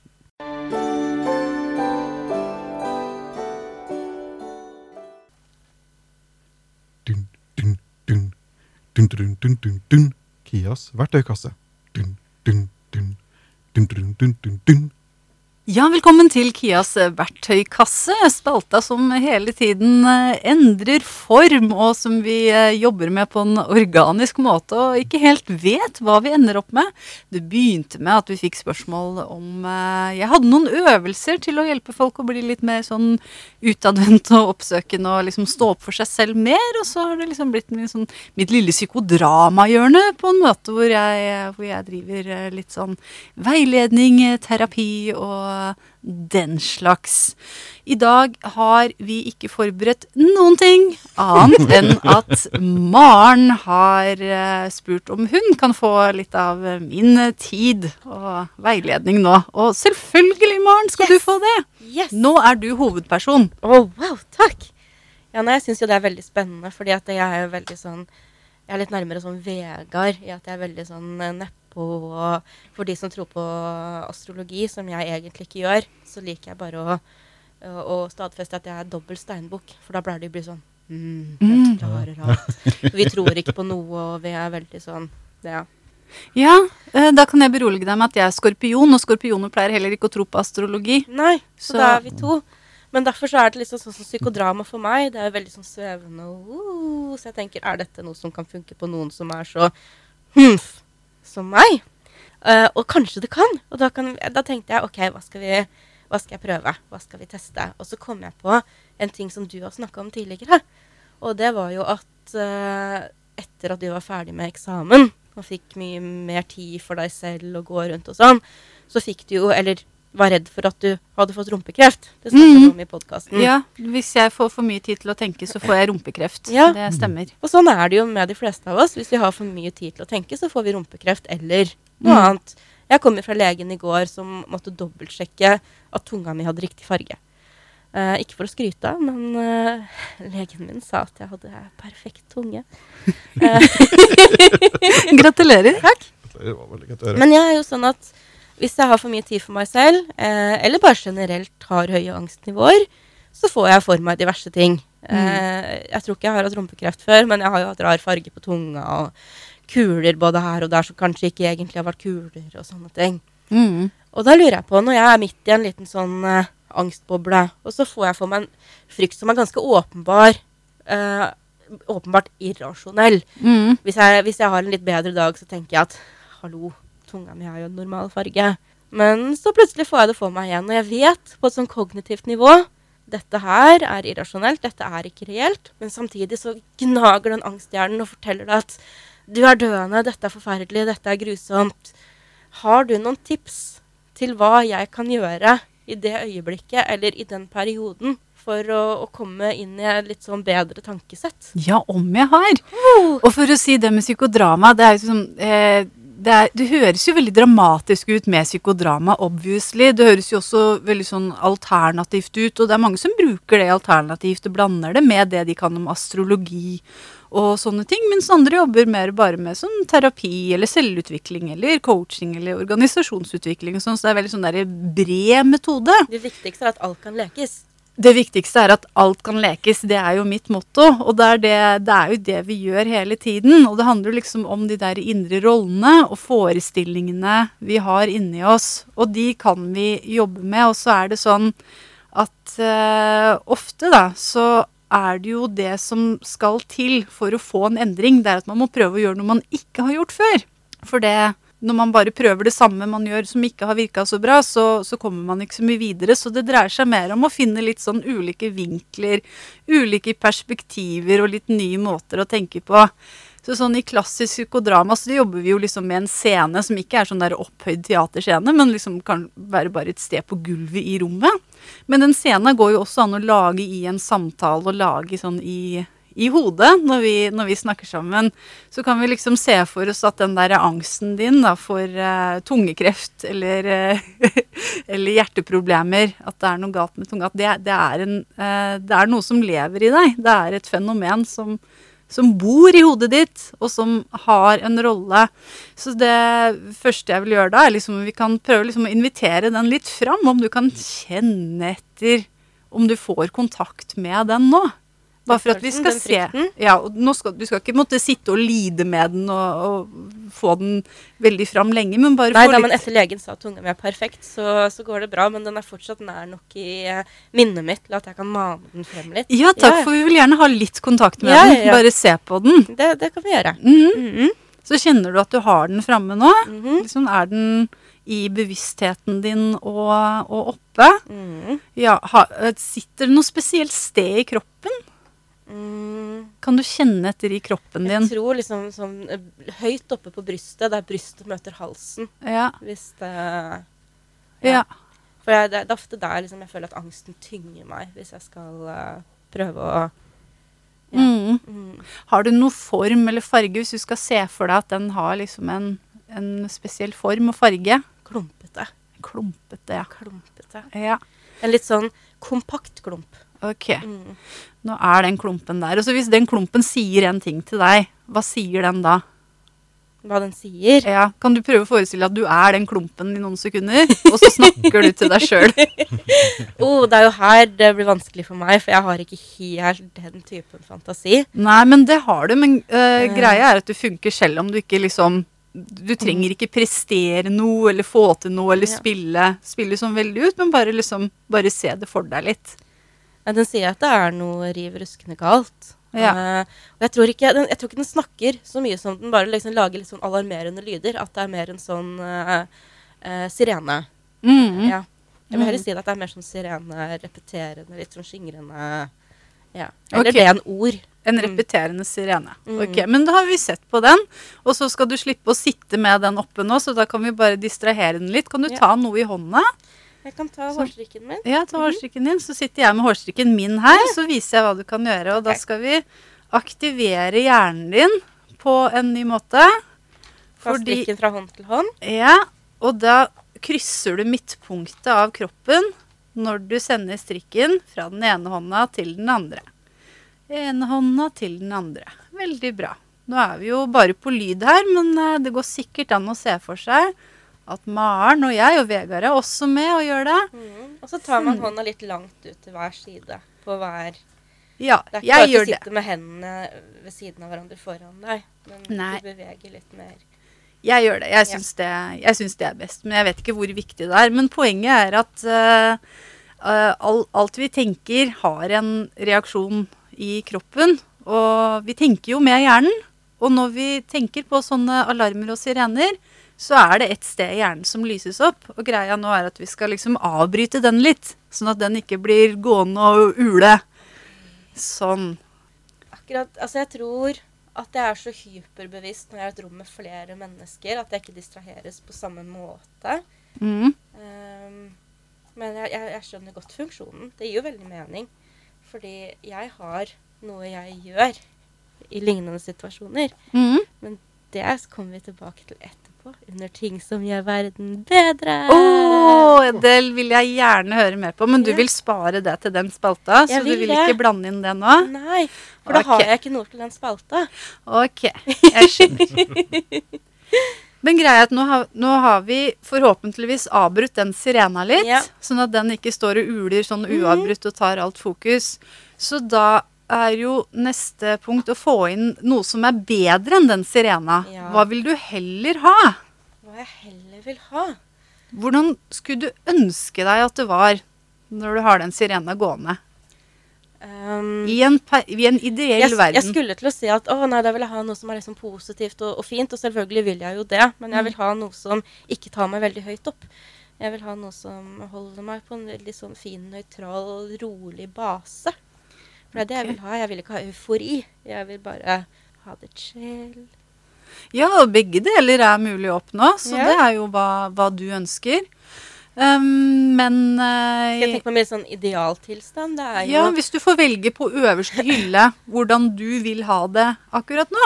Ja, altså akkurat nå så vil jeg jo være her med dere, da, så det er jo Jeg har det egentlig sånn som jeg vil ha det akkurat nå, jeg. Ja. Ja, for at det- den angsten min, den bare leker vi jo at det er fremme i hjernen akkurat nå, for den er jo egentlig litt borte. Mm. Ja. Eller noe som er mer vanlig og mer oppnåelig, det er jo å være hjemme i min egen stue med pusekattene mine og fyr i peisen, kanskje noe chill-musikk. Mm. Det er et veldig fint bilde. Da liker jeg meg godt. Ja, og nå ser jeg at du ble litt sånn opplyst i ansiktet også når du snakka om det. Ja, oh. Så det tror jeg er godt for deg. Så kan du ta det bildet og den stemningen og kjenne om det har noen plass i kroppen din. Mhm. Hvor i kroppen bor det? Jeg tror faktisk det bor samme sted. Mm. Mm. Har det noen form og farge? Det bare føles litt varmt. Mm. Varm følelse. Ja. Ikke sånn brennvarm sånn at, sånn at det svir, Mhm. men bare liksom behagelig lunk. Så kan du da, når du får Kan vi gå tilbake til den sirena? Ja. Kan du prøve å fremkalle den eh, litt igjen? Mm. Så kan du kjenne at den blander seg, den der varme, gode følelsen. Den har også en plass der som kan ta den plassen som den sirena vanligvis tar, og at de følelsene kan begge kan blande seg litt. Ja. Nå føles det som om sirena er blanda med det varme. Og hvordan er det? Eh, ikke ideelt, men ikke like ille som når det bare er sirena. Ok, ja, mm. da trenger vi å jobbe litt mer med det, da. Ja, men Ja. Det, det, det må man jo med alle typer eh, terapi. Også mm. psykodramaterapi. Mm. Ja. Jeg tenker at eh, hvis, du skulle, hvis du skulle fått lagt bort den eh, sirena, hvor kunne den fått en plass? I helvete. Ai, helvete! Veldig bra! Ok, så hvis vi skal lage et helvete her i dette rommet, da, Ja. de, uh, Vis et sted i rommet hvor helvete kan være. Flammende inferno opp, over øverste hjørne hjørnet der. Øverst på hjørnet med skapet med bingoblokkene, ja. Å nei, ikke, nei, ikke, ikke brenne opp bingoblokkene. bingoblokken. Nei, men det er uh, flammesikkert skap. Ja, ok, ja, men da er det greit. bra. Her, eh, det, det er Ja. veldig mulig. Da er bingoblokkene veldig sikre. Ja. De er inne i helvete, så du må hente dem. Ja. Kan du ta den sirena og så kaste den dit? Det blir for abstrakt for meg. Ok, men Der er jeg for steinbukk. Jeg skjønner det, Steinbukk. Nei, men det er helt i orden. Men kan du bare gjøre det likevel? Ja. For det, det skal jeg gjøre. ja, hjernen din er med på det. Selv om du ikke tror på det, Nei, så er det en ting du gjør. Nå har jeg kasta den til helvete. Nå har jeg gitt av den jævelen. Ja. Gratulerer. Takk. Hvordan føles det? Uh, jeg vet ikke ennå. Må jeg vite det med en gang? Nei. Kan jeg sitte litt med det? Ja, Takk. det kan du. Men føles det greit? Ja, det gjør det. Vi kan gå videre, eller er Det det, noe mer vi. du vil Nei, det, det Ja. synes jeg det er en øvelse som jeg kan ta med meg. Så neste gang jeg har rumpekreft eller tungekreft eller noe sånt nå, Ja, kan jeg prøve det. ja Mhm. kjempefint. Tusen takk, Ia. Ja. men Takk skal du ha, Maren. Det var gøy å leke med deg. Det var gøy å leke med deg også. Fint. Hvordan føles det nå? Nei da. Jeg, jeg sier som jeg alltid sier, nå er jeg frisk. Nå er vi Min jobb her er gjort. Eh, Får jeg en utro av deg, Vegard? Det skal du få. Dun, dun, dun. Dun, dun, dun, dun, dun. Kias verktøykasse. Dun, dun, dun. Dun, dun, dun, dun, dun.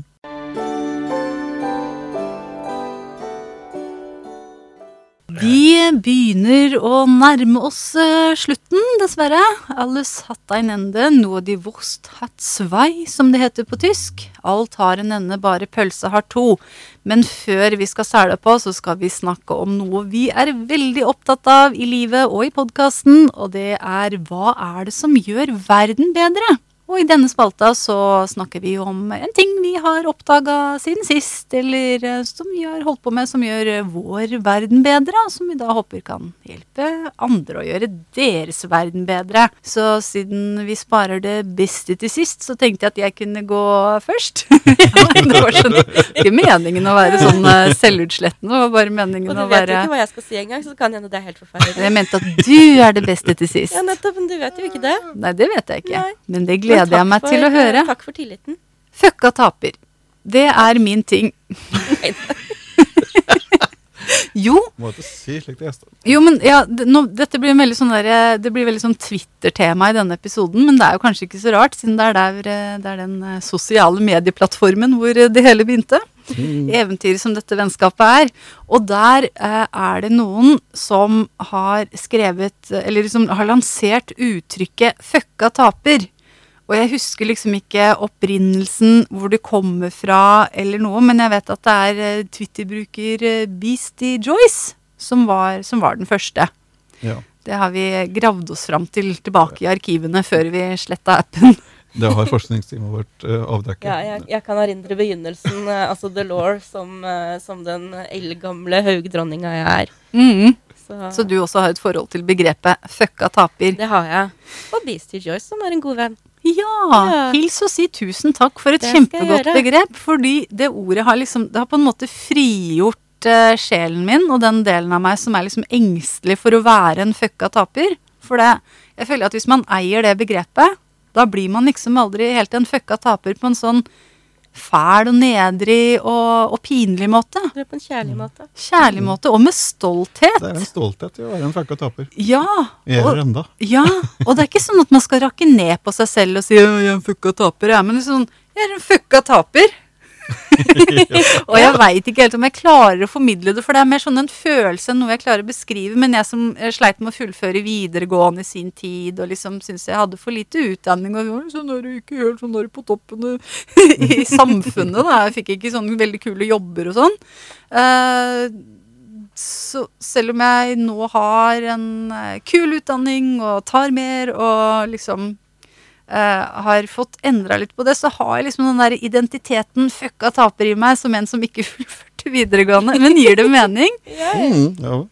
Men likevel altså jeg, jeg, syns, jeg ser liksom for meg sånn som man kaller sånn der løvetannbarn, eller sånn som blomstrer på steingrunn.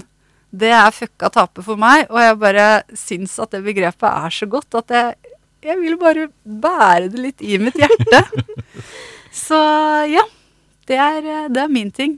Jeg har det også litt sånn med søskenbarnsbegrepet til fucka taper, som kommer ikke fra Beastie Joyce, men Beastie Joyce sin lillebror. Mm. Og det er tragisk syking. Det omfavner jeg på omtrent samme måte som fucka taper. Har det samme forholdet til det. At eh, omfavner det, gjør det på en fin måte. Være en tragisk syking. ha, ha, ha noen litt sånn rare relasjoner til ting og være en litt tragisk syking, men, eh, men på en fin måte. Det, det er jeg kjempeglad i. Er ikke det deilig? Kjempe. Her sitter vi altså, tragiske sykinger og fucka tapere, og bare se så bra det går. Ja. Og det er veldig fellesskap i å være um, en samling fucka tapere og tragiske sykinger. Mm. Jeg holder meg til hjertet. Jeg er, veldig full. Det er sterkt. Det er- Full og varm nå. Ja. Mm. Jeg er også full. Men annerledes. Jeg er varm, så, Vi utfyller hverandre så bra. Men ja, Vegard, hva er din ting som gjør verden bedre? Eh, jo, det er at em, jeg, jeg, har, eh, jeg omfavner min rolle som nattasangeren. Mm. For det, eh, det, det, er, det er mye eh, jeg opplever at jeg ikke klarer i, i, i hverdagen eh, og ellers. Men eh, jeg er den som eh, synger nattasanger for vår mektige datter, og, og det gjør meg veldig mye. Det, det, det er en rolle som jeg fyller med glede og stor stolthet, og jeg synger med hås og, og huggeren, og synger til jeg faller i søvn, som regel, mens jeg legger. Til du samfaller i søvn. ja, ja. Og øh, enn så lenge så har vår mektige datter eh, søvner før jeg er, så det, det går bra. Men, men det, det er en, en, en fin rolle jeg trives i. Det, det er koselig å synge. Jeg er nattasanger, og vår at datter heter velkommen publikum. Ja, du er veldig populær som nattasanger. Jeg får ikke lov å synge. Det, det, det er en fin rolledeling, for Kia er jo jevnt over mer populær enn det er på alle andre områder for vår mektige datter. Men akkurat nattasynging, da, da, da er det Da er jeg bra. Det er det du Men som jeg visste gjelder. at Du ble headhunta til nattasang i går. Har du noen favoritter å synge, eller er det bare koselig så lenge du synger til eh, deres mektige datter? Det er Bistan Lull som liksom er, er, er glansnummeret. da. Så vi, vi tar noe annet først, og så runder vi av. på Når vi begynner med Bistan Lull, da er det liksom, nå er det innsovning her. Mm. Og da blir vi rolige, og så ligger vi og titter i taket, og så synger vi, og så søvner vi. Og så noen ganger så bytter du ut de gubbene i sangen med dinosauruser. Ja, gjør det. det bare, For eh, Vår mektige datter kan være et krevende publikum ja, og krever endringer underveis. Så jeg trenger det. Så da er det, det kommer tre dinosauruser etter veien. Um, og så da ramser jeg opp dinosaurusnavn. Dine nattasanger gjør verden bedre både for deg og for vår datter. Og syng den. eh, Alle burde synge seg en nattasang. Gjør det. Maren, hva er det som gjør din verden bedre? Mm, Jeg var egentlig litt usikker på om jeg skulle si den tingen, for jeg syns den ligner litt på en av de tidligste forslagene til Vegard. til Ting som gjør verden bedre. Men siden vi snakka om det vi gjorde i Kias verktøykasse, Mm. og det her er den aktiviteten som er sånn helt egentlig perfekt for min hjerne, og hvor mye kapasitet jeg kan bruke, så sier jeg det likevel. Mm. Eh, det ligner litt på perling, Mm. fordi Vegard sa perling Ja. en gang. Eh, og det er rett og slett broderi. Korsting. Oh. Eh, det krever ikke så mange ressurser at jeg sliter med å gjøre det når jeg har det kjipt. Men det krever nok ressurser til at det tar eh, oppmerksomhet fra eh, den store, fæle alarmen som driver og går av. Jeg har et mønster å følge, så jeg vet nøyaktig hva jeg skal gjøre. For jeg er en person som liker rutinearbeid. Så det her er jo ikke noe for noen som kanskje liker å breie seg ut og ha litt mer sånn uforutsigbare prosjekter. Mm. For det her er jo bare sånn Putt den fargen der. Litt sånn som perling eh, egentlig også er. Og så har du jo akkurat som perling den bonusen at når du er ferdig, så har du en liten ting du kan gi bort. Og ikke alle vil ha altså ikke, ikke, ikke alltid tenk at folk nødvendigvis vil ha broderiene dine på veggen. Men du kan lage et lite julekort av det, f.eks. Eller sånn Det kan være julekort og julegave eh, i ett, fordi at du har jo brukt flere timer på det. Eh, så, så du har liksom et resultat av det, et håndgripelig resultat av det. Og så er det sånn at jeg kan høre på podkast eller se på TV samtidig uh, mens jeg driver med det. Så det treffer liksom midt i den derre akkurat der hjernen klør Mm. lite grann. At jeg har noe veldig sånn rutinemessig å drive med som krever akkurat nok hjernekapasitet til at jeg ikke faktisk tenker. Og det er veldig deilig. Så, så det er min ting som gjør, eh, gjør verden bedre. Det hørtes helt nydelig ut. Så kan det også gjøre andre glad. Ja, og jeg vil gjerne ha broderi av deg på veggen, bare så det er sagt. Du vil det? Ja. Så hyggelig. Tusen takk. Akkurat nå må jeg gjøre meg ferdig med et jeg har som det er 77 000 sting i. Mhm. Eh, men etter det så Så i juletider, så Ja, kanskje. Jule, juletider 2027. 2027. Å, skal jeg markere det på kalenderen? Vi gleder oss. Men eh, da skal vi sæla på. Er på. Det skal jeg, vet du. Vi skal minne om eh, e-posten vår. Send inn eh, problemer eh, og ting de går og grubler på til den. Og adressen er nitterittet at gmail.com. Nitterittet at gmail.com. Nitterittet at gmail.com. Send inn drømmer også, forresten. Ja. Vi har jo dette Vipps-glasset da, som vi eh, prater om litt. Det står borti kroken der. ja. Ingen som følger med på. Og pengene går til eh, driften av podkasten. De. Og nummeret er 81 34 59. 81 34 59. 81 34 59. Ikke noe bryderi. Tusen takk for eh, at eh, du har beæret oss med ditt nærvær i dag, Maren. Tusen takk for at jeg har fått lov til å bli beæret av deres nærvær i dag, eh, Kia og Vegard. Det har vært så koselig. Helt enig. Kos meg masse. Veldig glad for at dere også synes det. Jeg håper dere synes det på ordentlig, og ikke bare til fjeset mitt. Både til fjeset ditt og ryggen din. Og vi skal Hva sier vi? vi skal, du skal få ros når du kommer fremmen. Ja, det skal du. Det er akkurat det jeg ønsker meg. Takk til Radio Kongsvinger for lån av studio. Tusen takk. Kongsvinger. Og takk for oss. Takk for God kos. God kos. Vi er glad i dere.